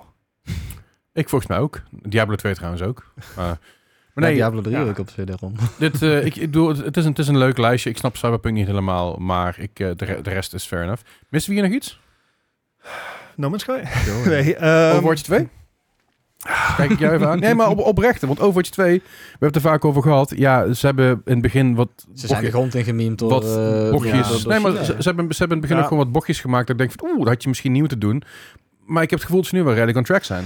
Het, het nadeel van Overwatch 2 is ook als je kijkt naar eh, Overwatch 2 op Steam, Mhm. het is nog steeds negative. Ja, oké. Eh, Maar en, dat komt, en- dat komt door, door die serverdeal die Blizzard toen gemaakt heeft, toch? In China, dat iedereen zo zat van, ik nou ja, kan de game niet eigenlijk alleen, niet spelen. ni- niet alleen dat. Kijk, ehm, in, de, in China kan je het nou niet meer spelen. Ja. Legaal. Eh, net zoals WoW trouwens, geldt het ook voor. Ehm Overwatch 2 is natuurlijk met heel veel bombardie aangekondigd, met grootste veranderingen. En die hebben ze niet waargemaakt. En de Ja. communicatie daarom was gewoon slecht. Ehm, ik vind het niet terecht dat die game daar nu een negative eh, beoordeling voor krijgt. Want het is nog steeds de beste hero shooter op de markt. Ik Ja. speel het nog steeds veel en graag. De update cycle is eh, veel intensiever geworden. Of in ieder geval meer intensie- intensiever dan we waren gewend. En dat Ah, ja, was ik- niet veel. Ik had een hero gemist, laatst dat hij aangekondigd was. Het enige nadeel van Overwatch 2 en waarom ik ook vind dat hij niet bij deze ongoing game hoort, is de monetization is veel te agressief. Ja, dat is waar. Ja. Hè, dus het, het is, eh, het, het, Nou, kun kijk, je dan kan je ook zeggen van ook Apex, nee precies, kan je inderdaad zeggen van Apex en Fortnite. Bij Fortnite kan je daar dan nog tegenspringen van, eh, daar wordt ook extreem veel in de game gedaan. Dus, dus de nieuwe Ja, levels, de nieuwe seasons, dat is veel ingrijpender. Concerten in-game. Nou ja, precies. De Game Eh, Awards in-game, want ja. je kan de Game Awards kijken in Fortnite. Oh, Fortnite ja. is meer een multiver, eh, de, de multiverse dan, eh, dan, dan, wat, dan wat meta heeft. Ja, maar Dus- dat, dat, laatste ik over gehad dat Fortnite, of in ieder geval Epic, meer voelt als Metaverse dan Metaverse. Ja. Metaverse voelt. Dus, dus ehm, nee, Overwatch 2 hoort hier niet thuis, omdat ze eerst, een, eerst met hun mo- monetization redelijk maken. Ja. Eh, en dat het niet anders alleen maar daarom Anders draait. zou je Overwatch toch ook... Ja, ik, ik, ik wou eigenlijk zeggen, je zou ze eerlijk bij e-sports zien. Juist omdat ik het idee heb dat... Ja, er, er is, er is nu, Funny you should mention that. Staan, staan ze ook er is niet tussen trouwens. nu, nu niet echt een, een season voor natuurlijk. Tenminste, ik heb het idee dat er niet veel Er teams is zijn op geen het moment. Overwatch League meer. Nee, dat dus. Eh, letterlijk gewoon de, En de toen ze vroeger is er hadden, niet meer. Toen was het natuurlijk best wel vet. Want ik Ja. heb het idee dat, dat ze daar zeg maar de, ene, de enige in hun genre zijn. Maar je kan moeilijk, hoe heet het, eh, games als League of zo erbij zetten bij ongoing. Omdat het is zo'n grote Ja. e-sport dat je het net zo goed hier neer kan Ja, oké. Maar het, hier staat het ook niet tussen. Want Valorant staat hier wel tussen.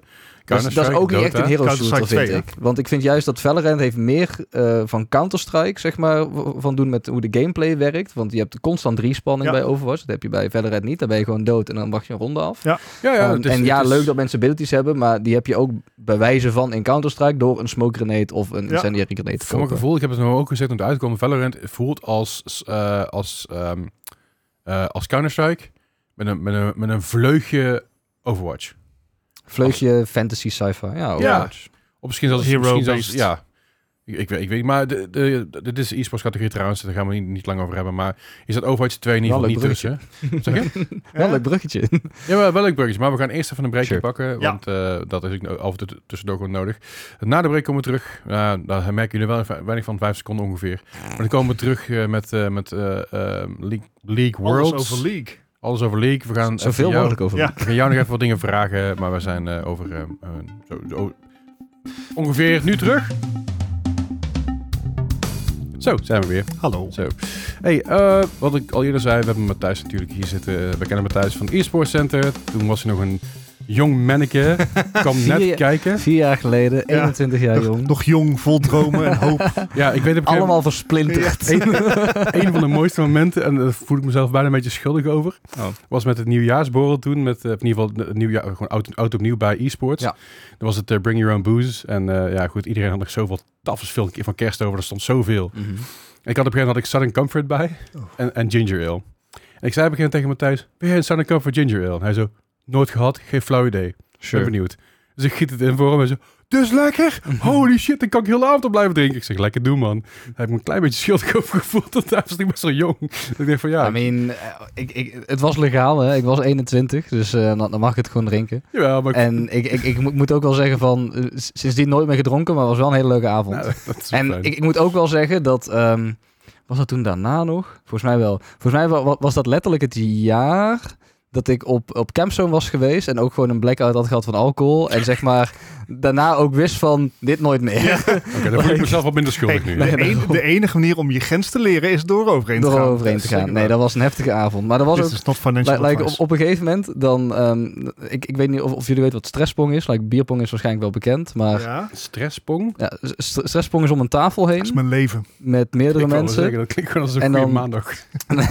en, en dan heb je dus zeg maar, ehm, twee mensen hebben een bekertje. En je moet proberen met, eh, met een stuit, zeg maar, een pingpongballetje in een bekertje te krijgen. En op het moment dat dat gelukt is, mag je hem doorgeven aan de volgende. Als het je in één keer lukt, dan mag je hem doorgeven aan wie je ook wil. En als je het te lang over doet dat degene zeg maar, die naast jou zit hem in jouw beker kan stoppen, dan moet je drinken.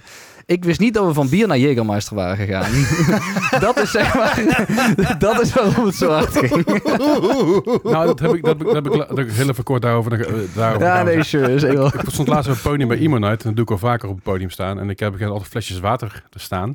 Maar wij mochten onze glazen fles whisky mochten niet naar het podium nemen. Dus ik had een leeg flesje. Had ik whisky ingegoten. en nou, niet helemaal vol, maar toch een goede, goed vol.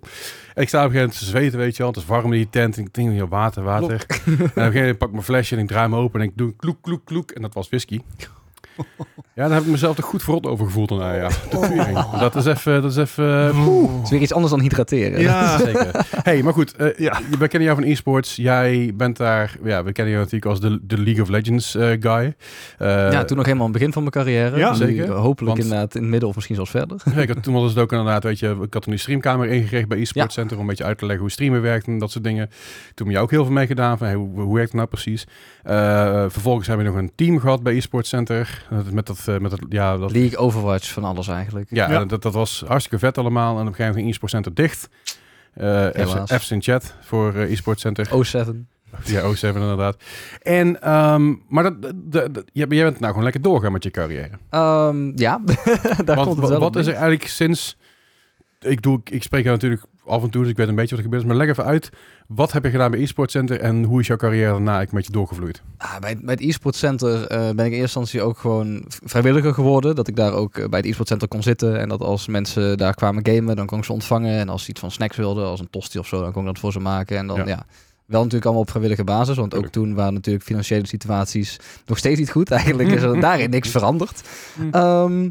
En toen hadden we dus die streamerkamer ingericht. En we hadden ook een team van League. En eh, we speelden mee in een competitie. Dat was toen City League. ja. En like, Oh, ja. één op de andere dag werd gezegd van... City League gaat niet door. En toen zei Bas, natuurlijk de eigenaar... Die zei van, ja, sure, dan doen we het zelf wel. En die hebben toen alle teams die eigenlijk mee zouden doen aan City League... hebben ze benaderd. En hebben gezegd van... Wil je meespelen in onze competitie? Is eigenlijk hetzelfde, maar dan net iets anders. Want wij hosten het. En niet degene die het anders zouden moeten doen. Eh, en superveel mensen hebben daar ja tegen gezegd. Eh, hebben nog een tijdje die competitie doorgedraaid. Toen ook in de handen van Barry. Ik weet niet of jullie Barry nog kennen. Ja, zeker, zeker. Van Gaming Alliance, ja. Ja. Ehm, en eh, zo die competitie doorgedraaid. En ehm, ik merkte gewoon dat... Ik, ik heb wel heel graag speler willen zijn. Ehm, maar ik merkte ook op een gegeven moment van dat... Ja, voor mij voelde het niet zeg maar alsof het nog ging lukken. Want zeker eh, ook rond die tijd en nu nog steeds wel een beetje... wordt er gezegd van, er zit wel een soort van leeftijdsgrens aan. Ik was toen al 21, wat oud is voor een speler die de scène in wil komen. Ja, en ondertussen dat ben ik Overwatch ook, hè? 25. Eh, Ja, nee. En ehm, ondertussen eh, ben ik nu aan het pieken. Dus eh, ja, weet je, welke kant het ook op kan gaan. Geniet er nog even van, jongen. Dat- nee, daarom.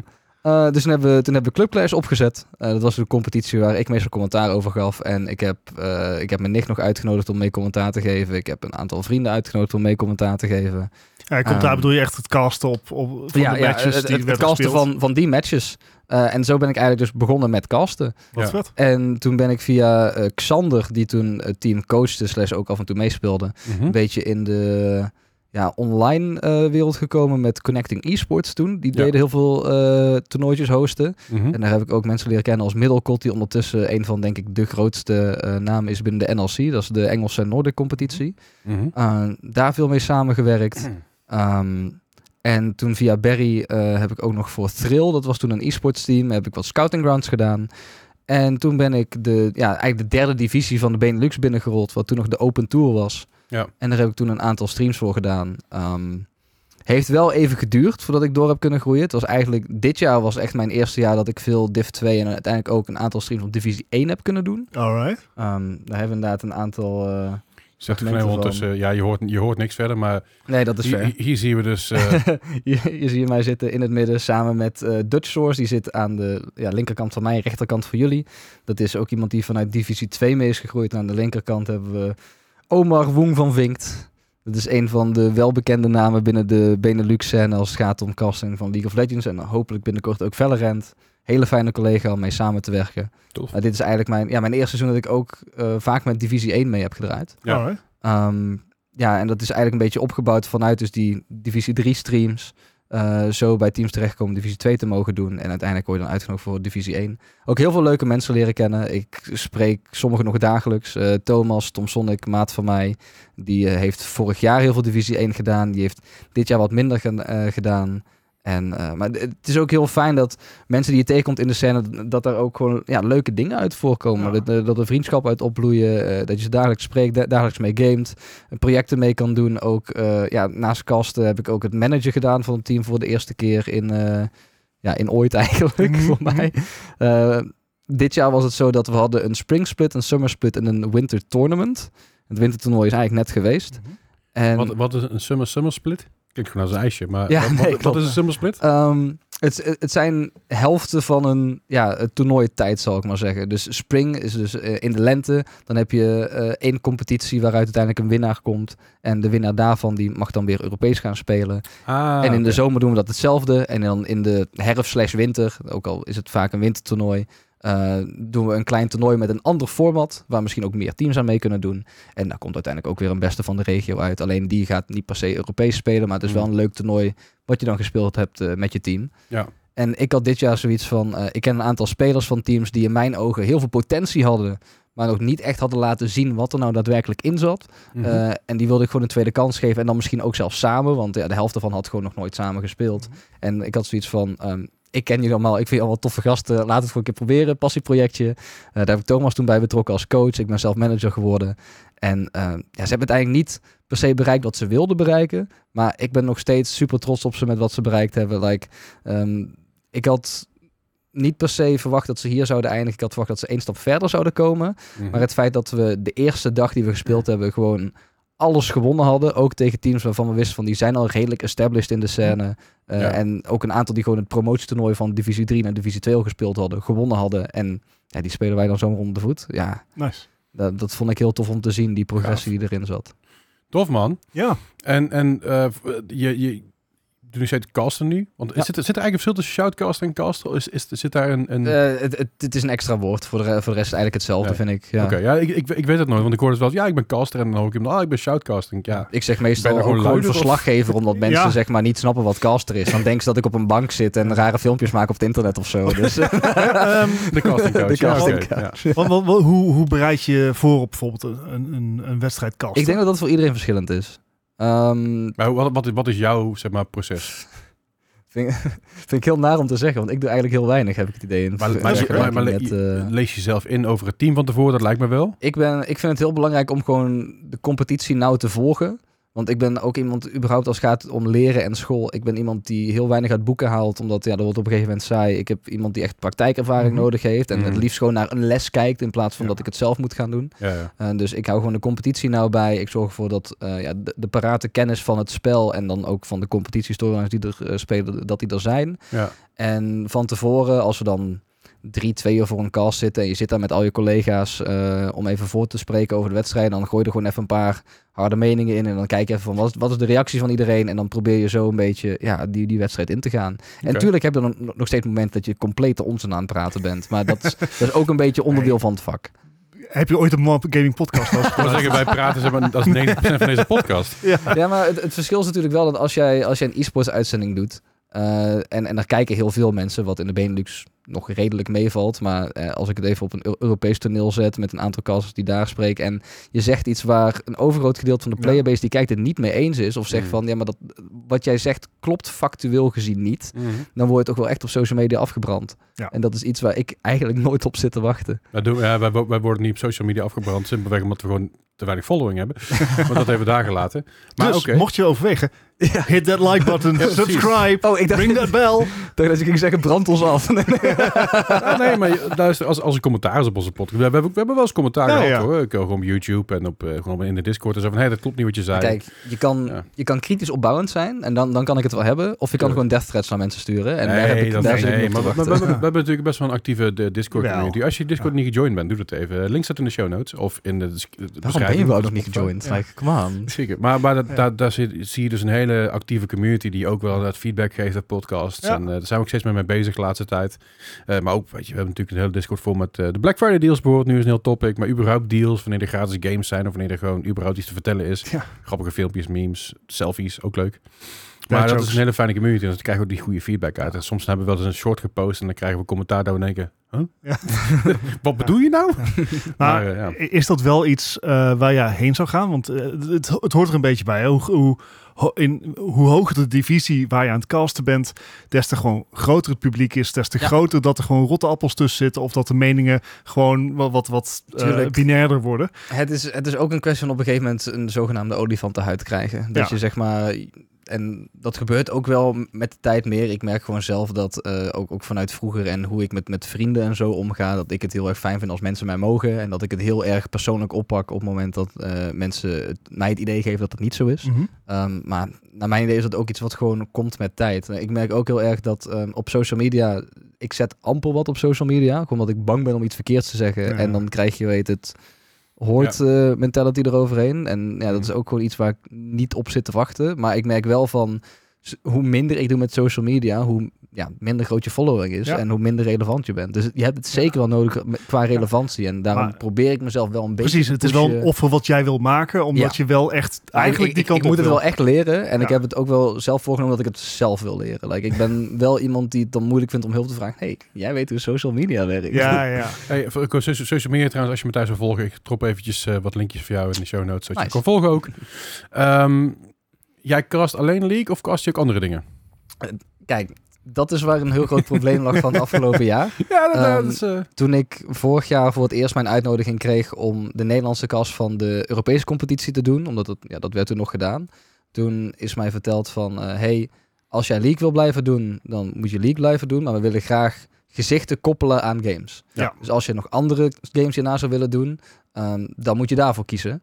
Ja. Eh, want ik, ik deed toen heel veel Valorant in het begin, dat, eh, Ja. dat, dat Valorant uitkwam. En ik denk dat ik op dat moment een van de grootste namen was binnen die community.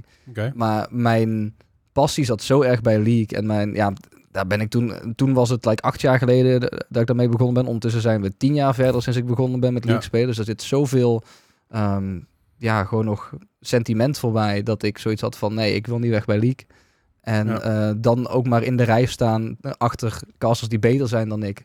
Ten opzichte van eh, ja, eigenlijk direct een entree hebben in een scène. Maar het liefst zou ik wel gewoon meer dingen tegelijk doen. Ja, want je zegt dan, want wij, wij, wij, wij volgen natuurlijk de Overwatch League, hebben heel lang gevolgd. Ik volg het tegenwoordig, ja, dit bestaat niet meer, maar ik heb al een tijdje niet meer gevolgd. Ja. Maar je had op een gegeven moment je Bran en Sideshow. Ja, Die waren, dat waren voor mij een gevoel echt de gezichten van casters van Overwatch. Maar die zijn uiteindelijk gewoon uitgebonjourd.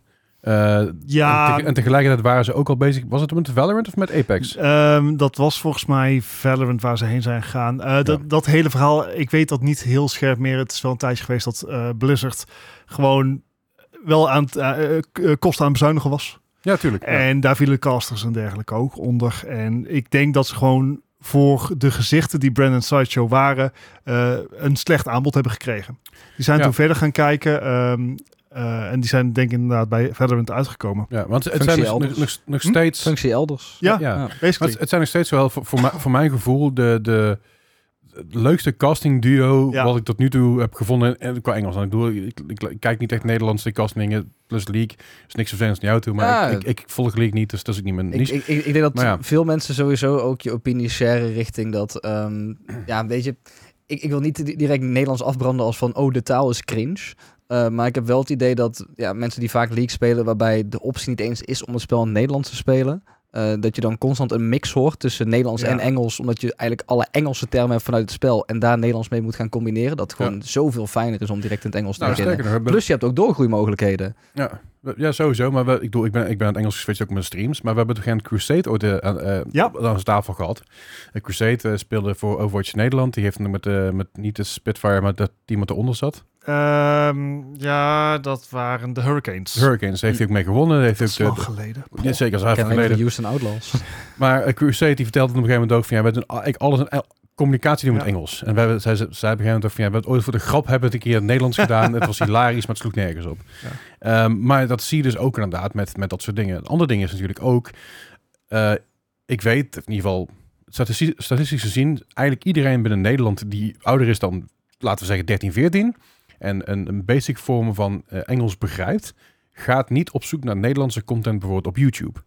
Want jouw content binnen het Nederlands eh, vlak is vrij beperkt. Ehm, maar zodra je naar het Engels kan, dan heb je in één keer een wereld van dingen die voor je open gaan. Op Twitch is het ook. Toen ik in Nederland streamde Twitch, zat ik geregeld in de top 200 van Twitch Nederland. Wat op zich leuk is, maar het is niet enorm groot. Het was gewoon oké.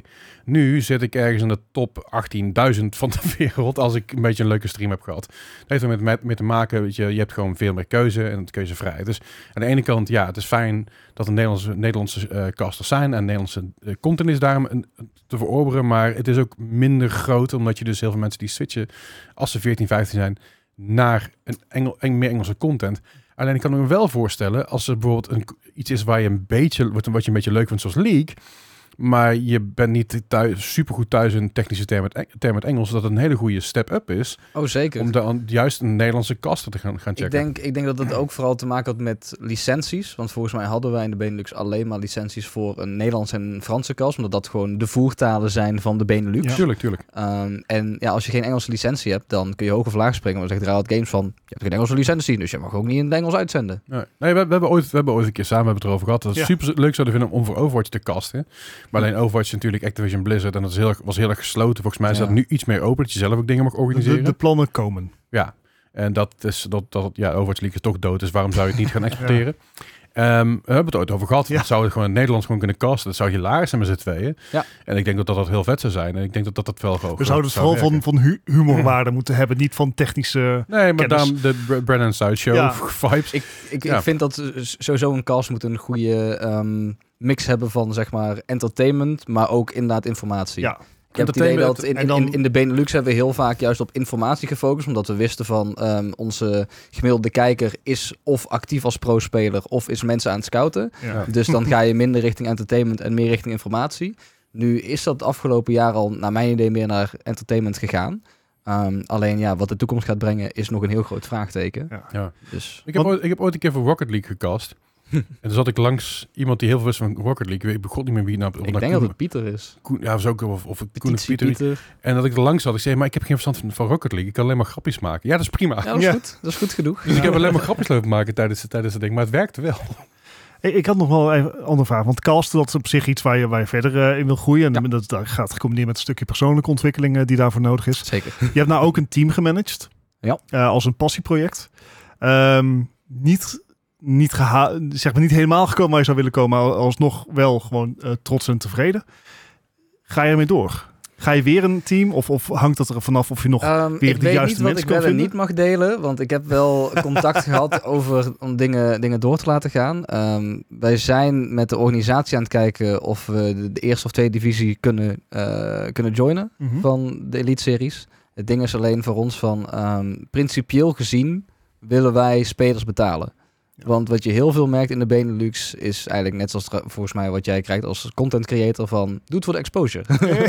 Ja, daar ben, daar ben ik wel een beetje mee gekapt. Dus ik- voor exposure doe ik niks meer. Eh, maar wat ik wel doe, ik doe barters. Ik doe heel veel barters. ja, en je hebt kijk, iets te bieden, geef me iets en dan doe ik iets voor je. Wat wij dus, ehm, tenminste wat, wat ik idee heb in de in divisie 2, en als ik het fout heb en mensen kijken dit, dan v- verbeter me ook absoluut.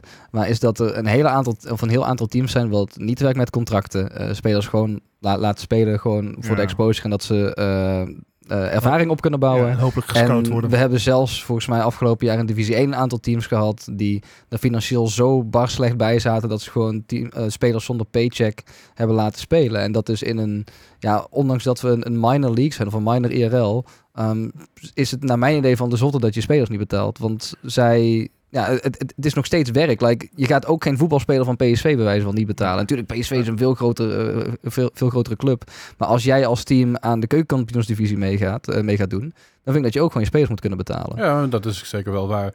Dus natuurlijk wel, ik, ik begrijp dat, het, dat er weinig geld is, maar dan kun je ook keuzes maken van dit gaan we wel, dit gaan we niet doen. Of er transparant in zijn, waar, waar dan geld binnenkomt of wat dan ook. Kijk, ik, ik weet ook, weet je, ik, doe, ik kom uit de muziekwereld, daar hebben we het vaak genoeg over gehad. Eh, met mijn band ook, de eerste paar shows die we deden, was het 50 euro reiskosten en een kratje pils en dan kom maar. Maar ja, op een gegeven moment ga je, weet je, weet je je waarde. En dan weet je ook wat je kan vragen en dan ga je groeien. En dat is bij e-sports is dat wat lastiger. Omdat je vaak binnen een competitie en een divisie hangt. En dat er heel moeilijk een waarde aan te prenten is. Buiten natuurlijk sponsorships en views. Kijk, je, je impression, binnen, binnen marketing werkt het zo. Hoe meer impressions dat je hebt op bijvoorbeeld een story, een stream of een video of wat dan ook. Dat is jouw waarde. Dat is waar mensen naar kijken. En Ja. daar word je ook op gebaseerd. Daar kun je ook je prijs naar vragen. Als jij 50.000 impression hebt op Instagram, dan kun je zeggen... Hey, ik heb 50.000 impressions. Ik weet dat dit het, waard is. Ik weet dat dit eh, daadwerkelijk toegevo- toegevoegde waarde is voor een merk of voor wat dan ook. E-sports lijkt me dat lastiger, want je hebt waarschijnlijk wel sponsoren. Wat ook vaak lastig is, want ook daar moet je aangeven van wat is je viewing base. En als Ja, je competitie... Dat is dus ook- weer wat ik zeg. Ja. Dat is dus weer je, je impressions. hè. Als, Ja. je, als je als team zijn bijvoorbeeld heel veel goede content maakt op Instagram, TikTok, wat, dan ook, je impressions zijn hoog, dan krijg je daar wel meer geld voor. Maar ik denk ook wel dat het binnen zo'n divisie en binnen een competitie, juist als het georganiseerd is door een partij, dat het gelijk getrokken moet worden. Ik weet dat bijvoorbeeld bij de Overwatch League was er gewoon een minimum salaris voor elke speler, wat, je, wat je moest uitbetalen. Die hadden wij ook, maar dat hebben ze sinds aankomend seizoen gaan ze dat weghalen. Ja, en dat vind ik Hmm. vind- dat vind ik, daar, daarmee help je het niet. En ik weet ook wel, e-sports, iedereen zegt, ook, ah, e-sport is dying, weet je wel, het leeft niet meer, mensen gaan liever zelf gamen, ja, ja. Dat is niet waar, Nee. want als we gaan kijken naar Worlds, waar we het zo meteen over kunnen hebben, dan zie je dat het daadwerkelijk nog wel leeft, dat er nog steeds wel Ik wil ook graag wordt. de, de vergelijking trekken naar landen als Frankrijk en Spanje. Waar je een team als Heretics en Carmen Corp gewoon voor een showmatch een heel voetbalstadion kan laten En vullen. het idiote is dus 20 jaar geleden, eh Matthijs, Ja. was jij één, Ah, Eh, dat is waar vijf. helemaal. vijf, Jos, 20 jaar geleden? Oh, Ja, ik ben 25 vijf- ondertussen. Oh ja, ik ben er. 20 jaar geleden was e-sport huge in Nederland. Je Of- wil niet, het hele beursgebouw afgeladen Ja. vol met landparties, maar ook e-sports party en competities. dat soort dingen. Maar en toen waren we ook goed. Zeg maar, toen, stond, toen zat Nederlands in de top van Star, Starcraft en dat soort games. Ja, Ik zeker. weet dat bij volgens mij was het Modern Warfare 4 eh, of Call of Duty 4, Mod- Modern Warfare 2. Niet te verwarren met de- Modern Warfare 2. Nee, precies. Ja, dat, dat was het ja. Like, daar, daar hebben we ook echt heel veel hoge spelers Ja. in gehad. Yo, ik hè. mijn fucking claim to fame. Zou je niet zeggen? hè? ja, mijn claim to fame is mijn band, maar dat even zijn. Uh, Black Ops 2 Oh. stond ik uh, top 100 van Nederland en top 500 van Europa.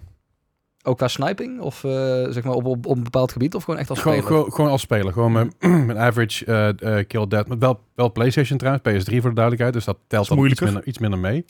Ja, het- Eén assist, maar... eh. maar nou, nee, het, dat, Oh, dat zat er oh, niet in oh, hoor. Dat zat er zeker niet in toen. Maar dat is alleen nog maar als je cross-platform hebt. Dan Ja, krijg je precies. aim assist. En dan Nou is ja, eerlijk is als een het was keyboard gewoon mouse. Ja, ja. snel zijn met de knoppen en, en weten, dit, gewoon een map kennen. Maar doel, ik zat er best wel hoog, zeg maar. Maar de PlayStation is niemand boeiend. Dus dat wou ik niet echt. Ja, ik heb één keer bij een Invitational geweest. Dat was hartstikke leuk, maar dat was het ook wel. Maar dat was, dat was toen wel, dat was toen wel groter. En het, je ziet op een gegeven moment zag je het een beetje afzwakken, een beetje dippen. En zag je weer een klein beetje terugkomen met de laatste tijd. Natuurlijk met Hearthstone zagen we best wel grote... Ja. Thijs en zo. Ja, ik speel zelf nog steeds. Alleen, eh, Maar Hearthstone zagen we best wel wat terugkomen. Eh, we zagen bij Rainbow Six zelfs wel wat spelers terugkomen. Eh, bij de Overwatch League natuurlijk ook. Hè. Daar hebben we zelfs wat Nederlanders in gehad. In de Overwatch League zelf. Ja. Ik weet Eh, nog dat we toen op een gegeven moment WK zaten te kijken op straat. Ja, WK Ja, is net weer eh, geweest. Ja, dat was echt, nou de World Cup, echt vermakelijk. inderdaad. Nee, maar je zag het op een gegeven moment wel een beetje weer terugkomen. En ik heb nu het idee dat het weer een beetje stagneert. Omdat heel veel merken bang zijn om zichzelf te dedicaten naar e-sports. Ja, en je hebt natuurlijk ook een beetje natuurlijk de, de financiële dip na corona. Dus Ja. je hebt zeg maar sowieso minder te besteden. En dan is het een risico om, om je zeg maar aan een team te binden. Denk ik dan in ieder eh, geval. Maar als team zijn, ik bedoel...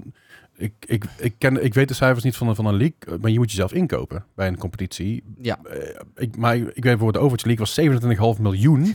ja, dat is hier gelukkig wel een stukje Ja. lager. Ja, ja, maar, een heel stuk lager. maar ik kan me voorstellen dat bij de hoge divisie van League, dat dat ook geen malse bedragen zijn. Nou, daar, daar wil ik geen cijfers over noemen op een podcast. Ehm, maar het, Omdat je het niet weet, omdat omdat Nou, je het ik, wel ik, weet. Ik, ik, ik weet ze wel, maar ik weet niet of het informatie is wat ik zeg maar mag delen. Kijk, ik ehm, ga het ondertussen gewoon Ah joh, komt goed. Ja, komt nee, goed. sure. Ehm, We'll bleep it out. maar, Fix in de post. Ja, het? maar, Ik kan het makkelijk roepen, je hoeft niet te editen. maar, maar het ding is meer van ehm bewijzen van...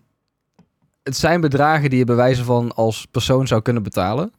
Maar dan is natuurlijk ook de vraag van hoe zit het in de lange termijn? Want dat je het één keer op kan hoesten, betekent dat ook dat je dan op een, een long-term plan hebt om, eh, om stabiel te blijven. Dus er zijn gewoon een, een hele hoop vraagtekens over. Ehm, mijn grootste issue eh, is gewoon dat er altijd gezegd wordt van ja, wij Nederlanders zijn te nuchter. Eh, als wij een kind hebben die gepassioneerd is in e-sport, dan zeggen we van eh, ga eens naar buiten, ga eens gras Ja, aanraken ja. en ga eens eerst, e- eerst maar eens je school afmaken. Ik heb gevonden dat Team BDS, Dat is de Europese competitie. Dubai Schalke 04, Ja. hun spot te kopen kostte 30, 30 miljoen. Ja, maar dat is de Europese competitie. Ja. En wij zijn een minor region. Ja, maar Ja. daar bedoel ik de, hoge, Ja, de nee. hoge Ja, competities. nee, klopt. Laten we uitgaan van een 30 miljoen. Voor dat soort dingen. Dat is in 2021 geweest, dus dat zal niet heel gek verder weg liggen. Waarschijnlijk kun je van Astralis en K-Corp nog wel terugvinden, want Astralis is nu uitgekocht door Carmen Corp. Oké. Het is een beetje een kip-en-ei verhaal, maar ehm, hoe denk je dat, dat, dat je... eh, kijk, je, kan- je kan natuurlijk meer fondsen verwerven als het populairder is. En het is, meer, het is populairder als je fondsen hebt om Ja. te besteden. Ik denk dat het heel simpel is. In twe- in 2015 was het hetzelfde bedrag 1 miljoen. Traditionele media. Waarom is e-sport niet op tv? En- en hebben wij ons ook vaak afgevraagd. nou, in China en in Korea heb je gewoon zenders die het heel dag uitzenden. Ja, daarom. En kijk, Ik, ik, weet ik, denk dat ik in een hotel zat in Korea dat ik aan het zappen was. Dat ik dacht van, hey, verrek, er is gewoon, er is gewoon League op tv. Het boeit me niet zoveel, maar dat is niet mijn ding. Op een gegeven moment zapte je verder en dan was het ook gewoon een kanaal met, ehm met lineages of iets in die richting, weet je wel. Blijkt dat het online of zo. Ah, ik vind het op zich wel een hele interessante eh eh, Ellie, om even in te gaan. Want het probleem natuurlijk bij e-sports is dat het eigenlijk heel erg versplinterd is. Want Ja. je hebt, je hebt Je hebt zoveel verschillende games. Precies, Ja. precies. En dat maakt het natuurlijk ook lastig. Kijk, voetbal is populair, want iedereen focust op dat ene ding, voetbal. Ja. En, en te- hockey vind ik een veel leukere sport, of zwemmen. En daar zie je alleen af en toe een NK eh, van bij Ja, komen. en dan heb je ook nog niet. dingen als, eh, weet ik veel, Ja. of handbal of, eh, of, of, of ij- Viereljeppen. ijshockey, viereljep inderdaad. Ja. En ik geloof wel dat... maar dat, dat zie ik hetzelfde als een e-sports. Like, alleen dan heb je misschien een e-sports eigenlijk ook weer ja, de dingen die wat groter zijn. En dan de versplintering van dingen die wat kleiner zijn. Ja. Maar zolang je totaal niet uit gaat zenden of alleen maar gaat focussen op dingen die gebaseerd zijn op echte sporten. Zoals een FIFA of een, of een simracing. Maar Dan heb ik het idee dat je ook heel veel kansen buitensluit. Omdat je Ja. eigenlijk alleen mensen wil aanspreken die iets al kennen. Maar Maar, ja. ik, ik weet dat er ooit een poging is geweest om, eh, ik geloof dat Eurosport ooit gedaan heeft, om daar ook wel wat e-sports dingen te doen. Lang geleden hoor, maar die hebben wel ooit ge- gepoogd om dat te doen. Alleen er zat niks achter. Er zat geen kracht achter. En Eurosport is... En dan hebben we het ja. nu ook eigenlijk nog alleen maar over tv, hè? ja, ja. Ik heb het nog niet gehad over zeg maar een krant. Waarin kan staan van... hé, hey, eh, we hebben dit bereikt in e-sports... of we hebben deze speler die dit ik bereikt vind het heeft. juist zo grappig dat je voor iets nieuws als e-sports toch, toch terugverwijst naar traditionele media. Zo- Omdat zit dat daar je op dit moment... eh, I mean, misschien, misschien niet, maar aan de andere kant, zeg maar, als... Als mijn vader zeg maar iets zou lezen over e-sports in de krant, dan zou hij mij ook aanspreken van nee, er staat iets in Ja. de krant met iets waar jij mee te maken hebt. En dat zou dan eh, bijvoorbeeld dat iemand wel geïnteresseerd is in e-sports, maar er eh, niet weet waar hij het moet vinden. Dat hij dan wel zeg maar ook via andere mensen kan- terecht kan komen van hé, hey, eh, ik heb net gelezen dat dit en dit en dit eh, nu speelt. Eh, is dat niks interessants voor jou? En dan zo kun je ook weer gewoon nieuwe mensen aanspreken. Mhm. Ja, Terwijl nu mensen echt zelf moeten gaan zoeken waar ze iets moeten Ja. vinden. Dus ik, ik probeer... Ik was, voordat ik eh, begon met, met casting bij, bij Strijp, nog nooit met casting of überhaupt de Nederlandse scène van League of Legends in aanraking geweest. Ik moest echt zelf zoeken naar ingangen van hoe ik daar uiteindelijk terecht ben gekomen. Dus je probeert eigenlijk op die manier, want ik denk dat, dat de jongere generatie, die gaat geen krant lezen en die wel, tv gaat er ook uit. Ja, wel in tv, maar geen normale tv-verbinding. Ja. Maar ik denk dat je juist bedoelt dan dat je, die, dat je de, het stigma doorbreekt om het Ja. te laten zien aan iedereen, vooral een oudere generatie. En dan heb ik de oude, oude generatie, noem ik nu even de 50-plussers, want wij zijn daar nog onder. En Ja, precies. Wij zijn daar wel. ronde. Wij zijn geen oude Ja, generatie. Jullie, jullie zouden eh, niet zeggen, bij wijze van eh, tegen je kind, als die bijvoorbeeld heel goed is in Fortnite, ik noem maar wat. Eh, van eh, ja, leuk dat je mee bezig bent, maar ehm, ga eerst maar even je school afmaken en daarna moet je nog naar voetbaltraining. En weet je, misschien dat je het school afmaken wel zeg maar aanhaakt, maar je zal in ieder geval wel iets meer supportive zijn. Dan dat je. echt niet. Echt wel noob alweer neer, neergeschoten. Nee, maar like, Dat deed je papa wel beter hoor. Ik vind het ook, ik, ik vind het stigma ook een verschil dat, Nee. ehm, stel, stel ik niet. zou heel goed zijn in voetballen, right? Ik zou Ja. nu eh 14 zijn, ik ben heel goed in voetbal, dan word ik aangemoedigd om bewijzen van iedere dag na- naar buiten te gaan op het veldje hier voor mijn huis om zeg maar te gaan oefenen en naar de vereniging en alles. Ehm, als ik dagen achter mijn computer zit, dan word ik gezegd van ga eens naar buiten, ga eens douchen, eh, je krijgt vierkante ogen. Douchen is sowieso wel douche, goed het te moet je gewoon Ja, sowieso ja, doen. nee, Of nou of niet, maar... Maar, Nou, ik moet toch juist, hoe heet het, eh, zweterig... eh, Ja. Nee, oké, Nou, maar het, het, het, het, het- ik, ik je denk, kan bij wijze van niet verslaafd zijn aan voetbal, maar je kan wel verslaafd zijn aan gamen. Ja, nou, ik denk, ik denk als mijn kind zeg maar eh, ehm, eh, naar de voetbaltraining gaat en vervolgens nog tot laat in de diepe uurtjes op het pleintje te voetballen, dat ik ook denk van nou, misschien moet je het even rustig aan doen, maat. Dat even daar gelaten. Ja, nee, Want je kan daadwerkelijk wel verslaafd zijn aan voetbal op hoe je het ook bent of Je kan Mhm. verslaafd zijn. Alleen qua gaming, omdat daar eh, nog steeds een stigma omheen zit, dat weten we. Hè. De, ook al is het de grootste enter- entertainment-industrie van ter wereld. Hè. Ik bedoel, het is groter dan de film, het is groter dan Ja. porno zelfs. Oh, damn. Eh, Dat ja, het is, het is nu- nummer één. Gaming-industrie is een, ja- een jaar of drie, vier geleden volgens mij dat het over hebben gehad. eh, net is, het is vandaag bekend geworden dat de gaming-industrie afgelopen jaar was 186 miljard waard. ja, en het is echt... Maar dan hebben we het gewoon puur over ook, alleen het spelen van games of, of alleen het kijken van Ga- games? gaming in Gaming, Gaming gaming is een geheel. Oké, Dus zelfs dan- met de filmindustrie is een geheel wat dan. Then it makes sense. Dus, dus het is enorm. Dus een- enorm groot. Alleen het segmentiseren daarvan is, is dat dus bij opgegroeid zijn. Je mag niet te lang achter de tv zitten, slecht voor je ogen. Ja. Je mag niet te lang achter die, achter die computer zitten, slecht voor je ogen, slecht voor je houding, wat dan ook. Wat op zich waar is. Ik bedoel, het is ook niet gezond om acht uur op een dag te gaan rennen, weet je wel. Dat is ook niet gezond. Maar ik denk dat... Als je marathon gaat lopen. ja, maar ik denk dat die... Ja, maar dat is ook niet gezond. Nee. Eh, ik denk dat die stigmatisering daaromheen, dat dat steeds een moeilijk is, en dat het doorbroken moet worden. Alleen dat kunnen we niet meer doorbreken met die oude generatie, denk ik. Ik denk dat het simpelweg gewoon doorgaan is op generatie. Want ik weet ook, het ging ooit een tijdje terug over eh, met je mobiel op, eh, op de fiets of muziek op de Ja. fiets of wat dan ook. Ja, dat deden ze vroeger niet. Nou, ben ik- toen ik- ben- niet. toen ben ik- nee, maar toen ben ik terug gaan kijken in de geschiedenis, want ik was heel benieuwd. En er waren dus heel veel klachten in de krant toen over jongeren die op een, eh, op een fiets een boek aan het lezen waren. En daar hadden ze last van. En die jongeren moesten dat maar niet doen, want dat was levensgevaarlijk. De er is altijd een generatie die ergens over te klagen heeft. En ik denk dat dat op een gegeven moment gewoon uitgefaseerd wordt. Dus simpelweg dat er een nieuwe generatie is. Ik denk dat wat, eh, wat ik denk dat ook gaat helpen is dat je wel, en misschien niet noodzakelijkerwijs e-sports, maar je ziet wel dat gaming aan zich eh, veel meer gerespecteerd wordt. Dus ik denk dat toen The Last of Us Part 2 uitkwam, eh, dat, dat kwam wel in kranten. Daar werden wel recensies over geplaatst. Zeker. Ehm, En, en ik, ik denk dat dat, ja, dat is een, een heel langzaam proces. Want natuurlijk, eh, eh, gaming zoals we dat nu kennen, dat, dat is nog niet zo oud. Ehm, maar het moet inderdaad meer naar, zeg maar, de voorzijde van de samenleving. Dat het niet meer in donkere hoekjes achter een pc wordt gedaan. Maar dat, dat inderdaad gewoon nieuwe games, zoals een Week 2 of een Baldur's Gate 3, dat dat ook gewoon in de krant komt. En Ja. ik denk dat dat het opstapje is wat je nodig hebt om inderdaad de, die stap naar e-sports te maken. Want dat, zeg maar van niks naar e-sports is wel Nee, heel klopt. fors. Maar je moet ook, ook iets hebben zeg maar, om invested in te raken. Je moet, eh, zeg maar, wat je bij Carmen Corp en bij Heretics heel erg merkte, is dat ze hebben gewoon een gigantische fanbase met mensen die geïnvesteerd zijn in, in die club. En of het nou op Rocket League gebied of League of Legends of welke andere games die ze dan ook hebben. Die, eh, er er zijn mensen die er eh, die, die fans omdat ze één speler geweldig vinden. Er zijn mensen die het geweldig vinden omdat ze het hele team geweldig vinden. In de Benelux heb ik niet het idee dat er op dit moment naast MCON dat is dan wel even iets wat ik wil benoemen. Ik denk dat MCON wel zeg maar een grote established naam is. Maar naast MCON, dat er geen enkel team is met zeg maar zo'n achterban... eh, dat je zeg maar zoiets kan realiseren. Ja. Oké. Ehm, Ja. Waardoor je ook zeg maar niet echt geïnvesteerd kan raken. Want als jij een goed seizoen wil draaien, dan, eh, dan pak je een paar Nederlanders. Want je hebt een regel dat je zeg maar minimaal zoveel mensen uit de Benelux moet hebben. En dan eh, zie je een aankomend talent uit Verwegistan. En dan denk je van, dan zet ik die onder contract zodat ik de league kan winnen. En na het seizoen is hij weer weg. En dan ben je hele storyline en attachment kwijt. ja. Oké, nog één laatste vraag en dan gaan we even nog naar de league, naar de Worlds. Ja. Wat is jouw einddoel op dit moment als caster? Waar, waar zou je het liefst terecht Oh, willen die komen? vind ik lastig. ja, dat Ehm, weet ik. Dan vraag ik hem ook. Dingen die ik sowieso nog wil doen, Ja. is een offline final casten. Like voor een publiek. Ik heb tot nu toe eigenlijk nog alleen maar voor camera gestaan. En Ja. het lijkt me gewoon heel vet om die experience te hebben voor een, voor een publiek. Eh, Ja. ja. of course, hoe groter, hoe beter. Ehm, maar ja, dat die kans er nog ergens een keer is. Ja. En mijn uitgangspunt zou dan toch richting LEC en LCS zijn. Ik Ja. heb eigenlijk altijd gezegd LCK, LPL. eh, om eventjes trouwens de afkorting eh, uit te wijzen. Ja. Ehm, LCK, Koreaanse competitie. Uh-huh. LPL, Chinese competitie. LEC, Europese competitie. LCS, eh, Noord-Amerikaanse competitie. Ehm, ik heb altijd de LCK en LPL heel interessant gevonden dat de Eastern Regions zijn. En die zijn gewoon zo geweldig goed in het spel.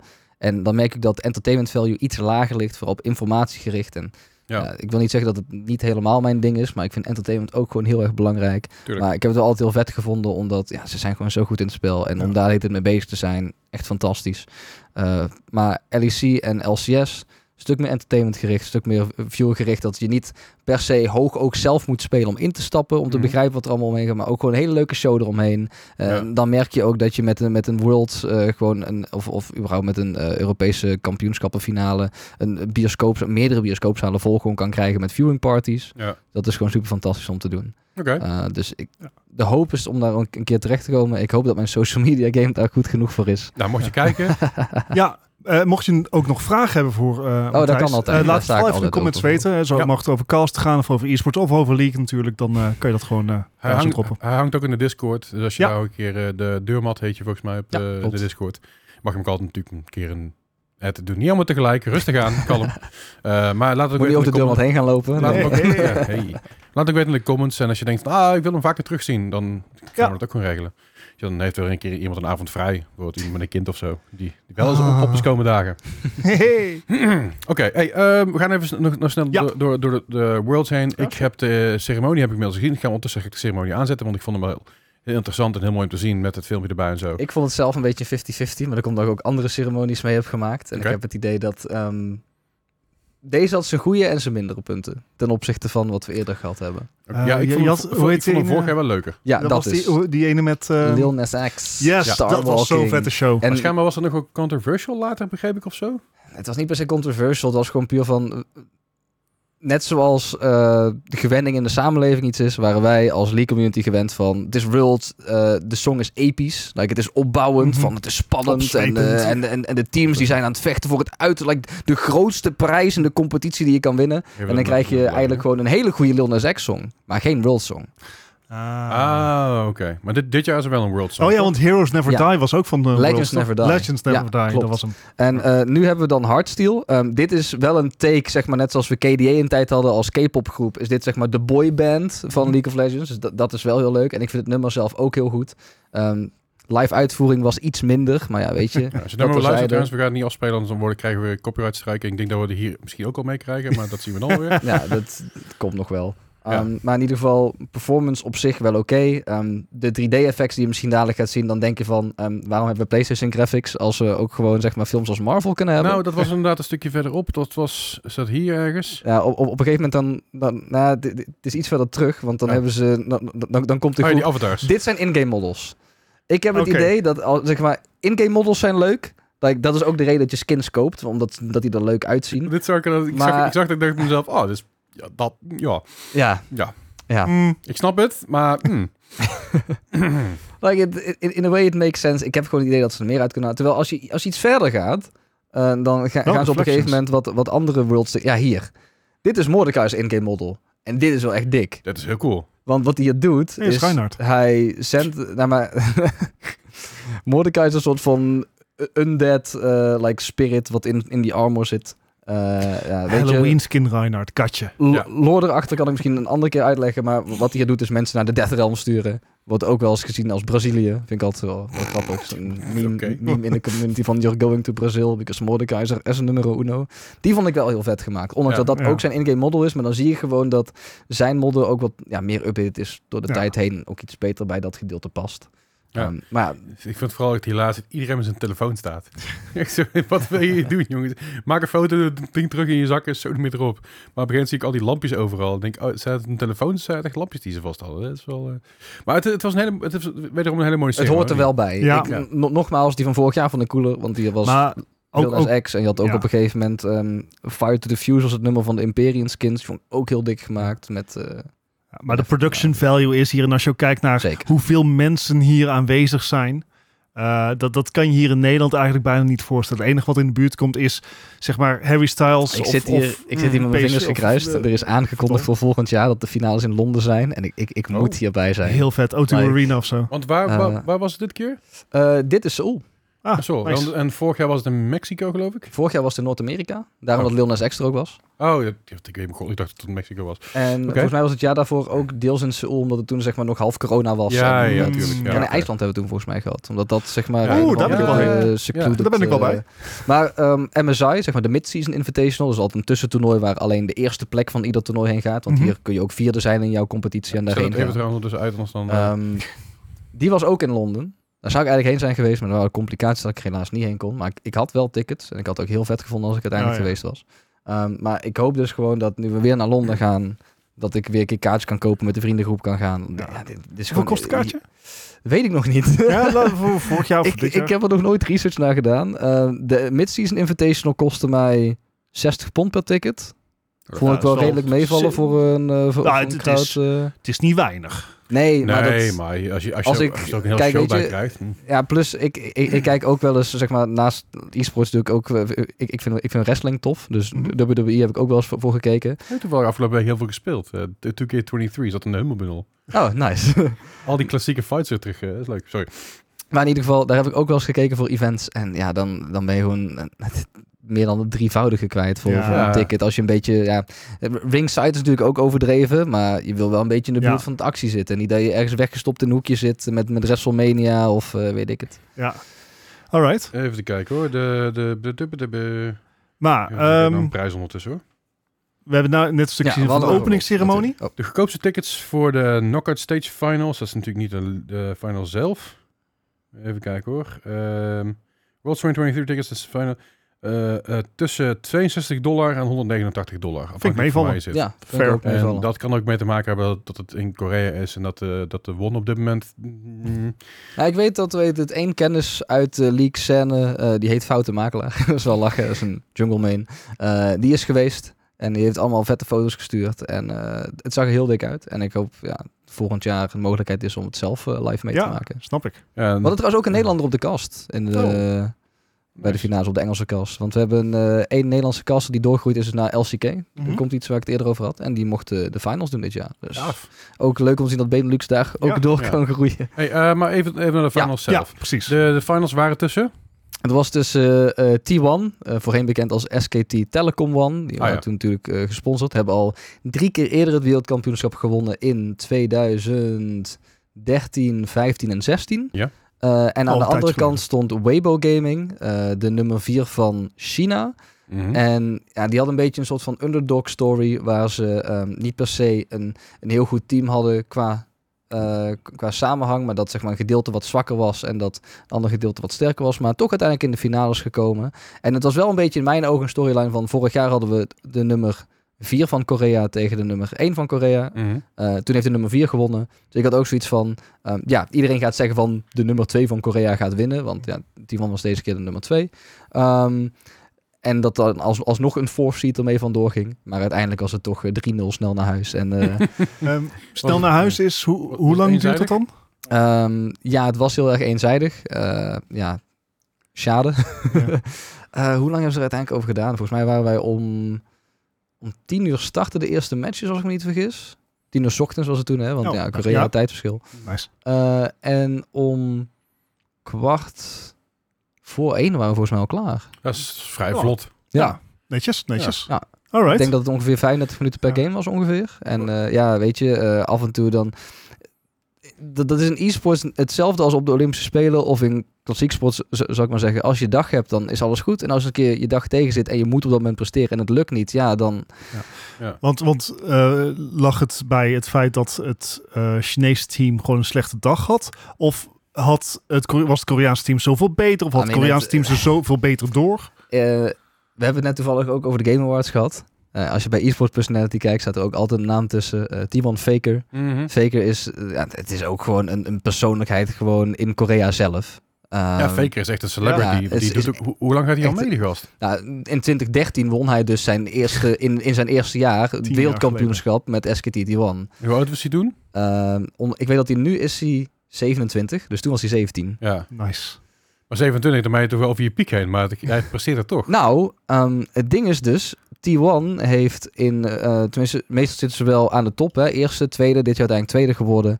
Eh, Faker heeft halverwege de zomercompetitie, of niet vergis, en het kan zijn dat ik nu zomer en lente door elkaar haal, Mhm. maar heeft hij een eh, armblessure gehad, Oh. waardoor iemand anders voor hem moest spelen voor een aantal weken. Hey. Eh, toen zijn ze zesde geworden in de reguliere competitie. Is hij teruggekomen in play-offs en zijn ze alsnog tweede geworden. dus ondanks dat hij dan misschien Dus het wel... kan nog. Ja. Je hebt nog twee jaar.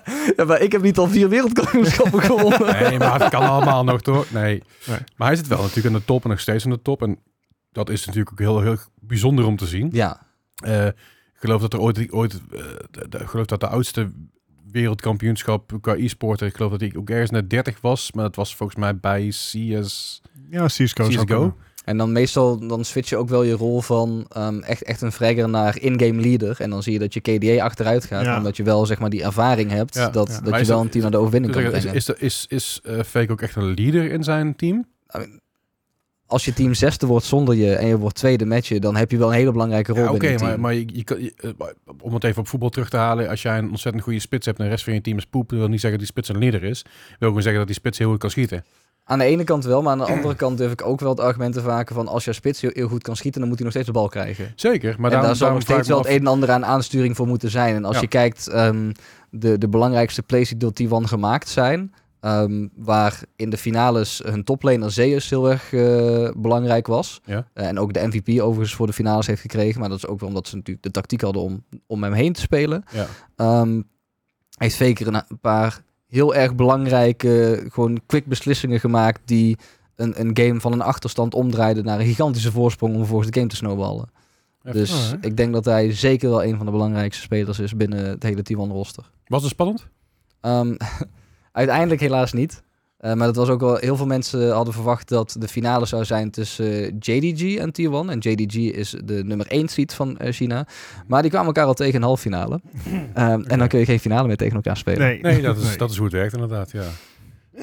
Oké, nou vet. Ik, eh, ik, ik, ik weet nog steeds te weinig van die ik op precies snap waar je het over hebt. Maar ik vind Er gaat ook een- weer zoveel veranderen. Er zijn zoveel pre-season dingen aan, eh, aangekondigd waarbij de helft van de items er weer uitgegooid worden en ze gaan de map weer Oh. aanpassen. Dus wat dat betreft eh, ben je daar weer even nieuw als de rest van ons. Oké. Right. ehm, ja, ik denk dat we dan eh, dat het dan zo één ding te doen staat deze, deze podcast. Dat is de quiz. Na- Naar onze Oh, die eigen finale. Ja, De we ook eigen nog. finale. De eigen finale. Ja, ik weet dat ik hier volgens mij toen vier jaar geleden ook aan meegedaan had. En toen viel de uitslag voor mij een beetje tegen, omdat er heel veel werd gevraagd over Metacritics. En eh, ja, ik, dat is eh, nog steeds zo. Ja. ik weet niet heel veel over, eh, over andere games voor mijn tijd, zou ik En maar het- zeggen. Sterker nog, het is nou zo dat als je nu verliest, moet je volgende keer moet jij de quiz maken. Ja. Maar We moeten toch even kijken wat we, wat we daarmee doen met kant kan gasten. ik nu ook expres verliezen. En dan moet ik de volgende Als- keer terug. Ja, ik denk, denk, als, je, voor mij. als, als, jij, als jij verliest, dan moet eh, Dennis gewoon per definitie de podcast maken. Omdat ik Eh, op de maken. Ja, Ah, want fair. want Dat de afgelopen... ehm, eh, zeg maar, ik- de De afgelopen keer- vier Pokémon quizzes. Ik bedoel... Nou, eh, de, de afgelopen keer heeft, eh, had eh, eh, ehm, Dennis ook verloren. Eh, moet ik even de quiz erbij pakken. Eh, had, ik- hij had hij ook verloren. En nou is hij er niet, dus ik moet Ja. weer zijn quiz maken. Dus de tweede keer dat ik een quiz maak, dus eigenlijk een tweede wildcard die ik nu, die ik nu te pakken heb. Dus ik kan ook gewoon een keer zeggen van, nou, mocht jij verliezen, dan maak ik hem weer. En square. Maar ik kan natuurlijk ook zeggen dat Dennis hem gewoon per Ah. We gaan meemaken. Misschien, Ja. misschien, misschien verlies jij. Misschien verlies ik. Die kans is ook Die is groot genoeg. Zeker aanwezig. Hey, eh, ik heb een soort, soort mini-Bartsburgertjes gedaan. Hoe vind je die? Hey, Ja, heel doet goed. die even. We hadden het, we Trots, hadden het zo natuurlijk over, over League. League is natuurlijk een Riot. eh, is van Riot. En Riot heeft niet alleen maar Riot, maar ze hebben ook Riot Forge. Ja. Eh, Riot Forge Games, die hebben eh, in 2021 nog een game uitgebracht. En dat is Ruined King. En die, ik zoek de Xbox One score daarvan. Ah. Ik vind het al helemaal niks dat Matthijs al meteen zegt van ja, klopt. Ja, maar Ja, ik, ik heb, ik, heb ook gewoon bijna alle Forge games, om misschien één na, heb ik allemaal gepreorderd met like deluxe edition erbij. En ik stond... Ja, maar wat vond, eh, wat vond de... Even tussendoor voor de mensen die dus de quiz niet Oh ja. kennen, uitleggen. We hebben zes vragen, eh, zes games. eh Metacritic score is een samengestelde Oh, score van allerlei we- gerenommeerde websites waar die een score indienen. Dus bijvoorbeeld, dat kan een 0 tot en met 100 zijn. Als een website een 8,6 geeft, van de 10 is het een 86, obviously. Als een website een 4,1 geeft, is het een 41, obviously. Maar samengesteld van die website wordt dus een score gerekend. Dat is eigenlijk dus Metacritic, een beetje Rotten Tomatoes dat doet met hun reviews. Uh, dus daar hebben we zes vragen over. En hoe verder je van de score af zit, dus bijvoorbeeld stel dat het antwoord een 50 is en Matthijs zegt 70, dan krijgt Matthijs 20 punten. En hoe meer punten dat hij heeft, hoe slechter dat hij doet. Net zoals bij golf. Nee, had ik was niet opgekomen. Was oh, niet opgekomen. Nee, die nee, gaan we niet meer doen. Nee. Maar goed, ik, eh, dus, dus het gaat dus over Ruined King uit 2021. Oh, die en dit, is een, dit, dit gaat om de Xbox One score. We hebben tegenwoordig specifieke eh, eh, consoles of, of platformen waar het op gaat. Want daar moest ik dan weer een samengestelde score van maken. En soms was dat een punt 5. En dat was Goed, maar niet uit. Also, het geeft, geeft extra mogelijkheden om gewoon echt, echt... zeg Wat maar- ik, wat ik heel lastig vind aan deze vraag is dat ik heb, ik heb deze game uitgespeeld en ik vond hem fucking vet. Go- Goeie verhaallijn, alles. Maar ik kan me ook wel voorstellen dat er mensen zijn die zoiets hebben van... Het is ook best wel een basic game, qua gameplay al. Ja. Like, het is verhaal heel vet, maar de rest eromheen denken zoiets van... Ja, maar dit hebben we al zoveel andere games gedaan. Like, waarom is deze dan nog speciaal? Dus dan... Mhm. Ja, maar ik wil graag een score weten van tussen 0 en 100. Laat de man nou eens een... Heb, ja, ja, weet ik, maar ik, ik bedoel meer, jij kan er omheen lullen en dan kun je net zo goed, want je luistert net je luistert die podcast. Uh, zodat en dan zitten we hier morgen nog. Hebben jullie al een score in je hoofd? Yes. een soort van... Bart. 72. Oeh, En, heel eh, dicht bij die van En mijn, ja, mijn, mijn redenatie is van... Hij... Ik, ik heb hem niet naar voren zien- horen komen als echt een must-play of iets dergelijks. Ja. Maar ik kan me voorstellen dat het gewoon prima was. Ja, dan ga ik voor 69, de funny number. ja, Nice. nice. Eh, nou, dit is eh Ruined King. 2021, Xbox One. Had een score van 84. Oh, Oh. zo hoog toch? Ja, Damn. ze vonden hem toch, eh, toch wat leuker eh, dan je dacht. Goed, en dan gaan we dus... ehm, Also 2021 Xbox One. Dat is wel... Toen was de Series X al eh, uit. Nou ja, goed. Maakt niet misschien uit. dat er ook een score van was, maar ik heb deze... Fair enough. Eh, de director van Ruined King, ik heb zijn naam vergeten op te schrijven, heb ik bij de rest trouwens wel gedaan. Goeie bruggetjes. Ja, die tekende dus ook voor de Deadpool comic. Hij was daar visual artist bij, eh, de inker, penciler, zoals ze dat noemen. En Deadpool is natuurlijk ook een game. In ieder geval was ik een game van. Oh, ja. Die uitkwam in 2013 de Xbox 360. Oh. Wat is daar de score van? Oh. het, zijn, het zijn wat kortere bruggetjes. Ja. Want- omdat ik ook geen zin had een heel verhaal uit te typen, want ik heb mijn laptop hier niet bij. Het, weet je... Dit is typisch weer zo'n game waarbij ik me kan voorstellen wat voor gameplay loop erin zit. Dit kan heel leuk zijn, maar Ja, het is het zo zelden. Ik vind het...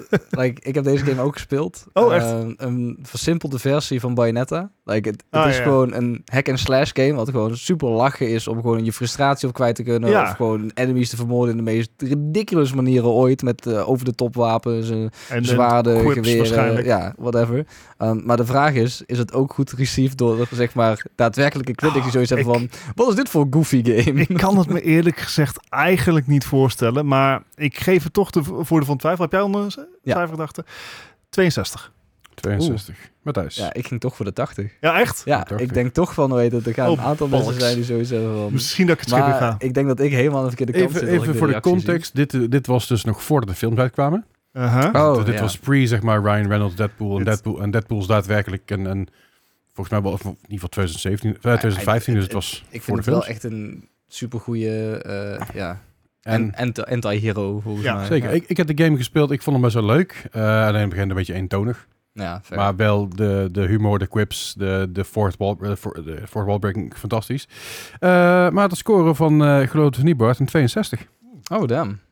Geheel per er, ongeluk, kan ik je er- garanderen. Zat er volop. Ehm, de componist van Deadpool, van de game, Julian Sol, eh, eh, deed ook muziek voor een andere game. En Welke dat, game was dat? Dat was, eh, dat was de game Giants Citizen Kabuto uit het jaar 2000 van de PC. Wait, why do I know this? I don't. I am literally clueless. Ja, maar ja, dat, dat- Dit- ja. Is toch zeker niet van dezelfde studio als, eh, wat was het, Black and White en zo? Ik weet niet, ik moet, ik moet Als meteen in daar aan Pokémon denken. Black and White of gewoon... Nee, nee, nee. ehm, ehm, Game Black and White. ja, dat is, dat is de enige die ik ken. ehm, dat, dat helpt ons verder niet. Giants, Citizens of Kabuto. Giants Citizen Kabuto. Citizen Kabuto. Citizen Kabuto. Wat is een Citizen Kabuto? Weet ik veel. een game. Leslie, ik heb vragen. ja, dat, eh, ik heb geen Het is gewoon antwoorden. een PC-game. Eh, uit 2000 This is inderdaad. true. Ehm, ik weet, oké, ja, ik heb het. De, de, de, de naam doet een belletje rinkelen.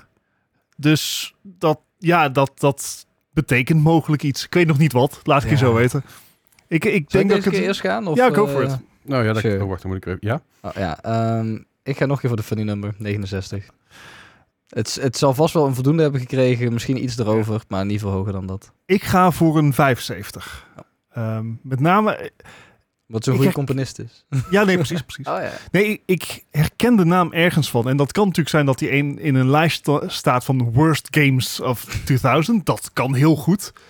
Maar, I don't Tot know. nu toe alles een voldoende gekregen. Ja. Eh, Giant, eh, Giants Citizen Kabuto uit 2000 eh, voor de PC. eh, had een score... Oh, hallo, een dunkje. Had een score van 85. Oh, damn. Hey.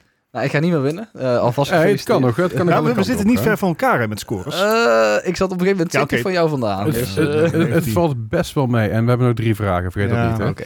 De volgende vraag. Nou, ehm, de Nick Broody, de art director van, eh, van Giants Citizen Kabuto, eh, was ook art director voor de volgende game. Eh, en, en dat is eh, Earthworm, Jim, Earthworm Jim 2 uit 2002 van de Game Boy Advance. Oeh. Game Boy Advance games zijn altijd hit or miss. Nintendo, Nintendo eh Taxman. It's, Ja, maar dit is, het, het, het is gewoon hetzelfde als van als jij een Call of Duty Black Ops speelt Ja. op de Xbox is goed. En als je speelt op Nintendo DS, dan denk je van, eh, wat is dit? ja, maar het kan andersom kan het ook werken. Ja, dat is ook zo, ja. Earthworm Jim voor de... Ik, heb een, eh, ik heb een score in mijn hoofd. Advanced. En want er zijn volgens, er is volgens mij een Earthworm Jim game geweest die heel erg goed was. En waarschijnlijk ook eentje die heel erg slecht was. zeg maar, volgens mij, het is sowieso, het is ook een goede IP toch? Ehm, ja, 73. Ken je het, Earthworm Jim? Ja, ik heb er wel van gehoord. Ja. Eh, ik ging voor een 80. Oh, wacht, even kijken. 80. Oh. Eh, je- Ik, ik probeer Hij is, altijd hij is zo met de min- plasma pistool een veel te grote... Ja, en zeg maar letterlijk ja. een regenworm zei in een pak. 73? Ik ben altijd zo bang om te gaan metagamen. Dit, is- dit, wat jij zegt, zijn allemaal voldoendes. Het is alsof we al Ja. vier keer C hebben ingevuld. Ja. Even kijken. Eh Earthworm Jim 2 uit 2002 Game Boy Advance had een score van 45. Oh, damn. Degene die goed was, was de Super Nintendo versie. Ah, Was gewoon deel 1 volgens mij. Ja, Volgens mij was het eh, verwisseld met Worms. Like dat, ja. Dat, ja, dat is ook heel wat anders. Hey, eh eh Doug, Ouch. Nou ja, D- 95 punten. D- Doug Tenapel, dat is hoe die heet. is gewoon een Amerikaan, maar toevallig een Ja. ja. achternaam. ja, vroeger zaten wij ook was heel veel onder andere ehm, animator voor eh Earthworm Jim 2, maar ook Ja. gewoon van de tekenfilms onder andere. Oh, nice. Dus, eh, dus dat. En hij was ook, hij was ook eh, art director en eigenlijk artiest op de volgende game. Dat is de game uit 2015 van de PS4, Army, Army Krog. En Army Krog schrijf je A-R-M-I-K-R-O-G. Krog. Ja. Krog. Ja. In Ik- welke krochten heb je die game gevonden? Ik was gewoon linkjes aan het zoeken naar andere mensen die In de gutter van Ja. met, eh, met acrylics. Army Krog, ik kan me... Ja. Ik weet niet eens wat ik me hierbij voor moet stellen. Ik moet zeggen dat ik het ook niet meer precies weet. Ik zit echt op, op als je nou gewoon random 12 zeg, hè, dan, dan zit ik er op heel veel vandaan. Ja, maar je wil eigenlijk gewoon zorgen dat Bart voor de week de quiz Dat maakt. dat is een ballsy move, En dan, heb- Carsten. dan heb jij Ja. wel gewoon gewonnen. Ja, maar ik denk niet dat het nog gaat gebeuren met Nou eh, ja, de ik heb verschillen een- die we te- ja, je, je hebt één keer echt- dead, on the nose gehad. En één keer scheelt- 35 punten eraf. Het scheelt niet heel veel hoor. Ja, maar toen zat ik er ook gelijk best wel veel punten vanaf. Ehm Army Krog. Army Krog. Ik wat zeg, hè, dus bij zo'n Deadpool gaming, je kan je een beetje voorstellen wat voor gameplay loop daarin zit. Ja. Ik, ik heb dit, dit kan net zo goed een Sudoku game zijn en I wouldn't be able to tell. zeg maar, Het is gewoon een random indie game en dan het is een random woord. Het is nog veel erger dan dat. twee random woorden. Want het is niet eens Army met? Y. Nee, er zit geen spatie tussen. Aha. Oh.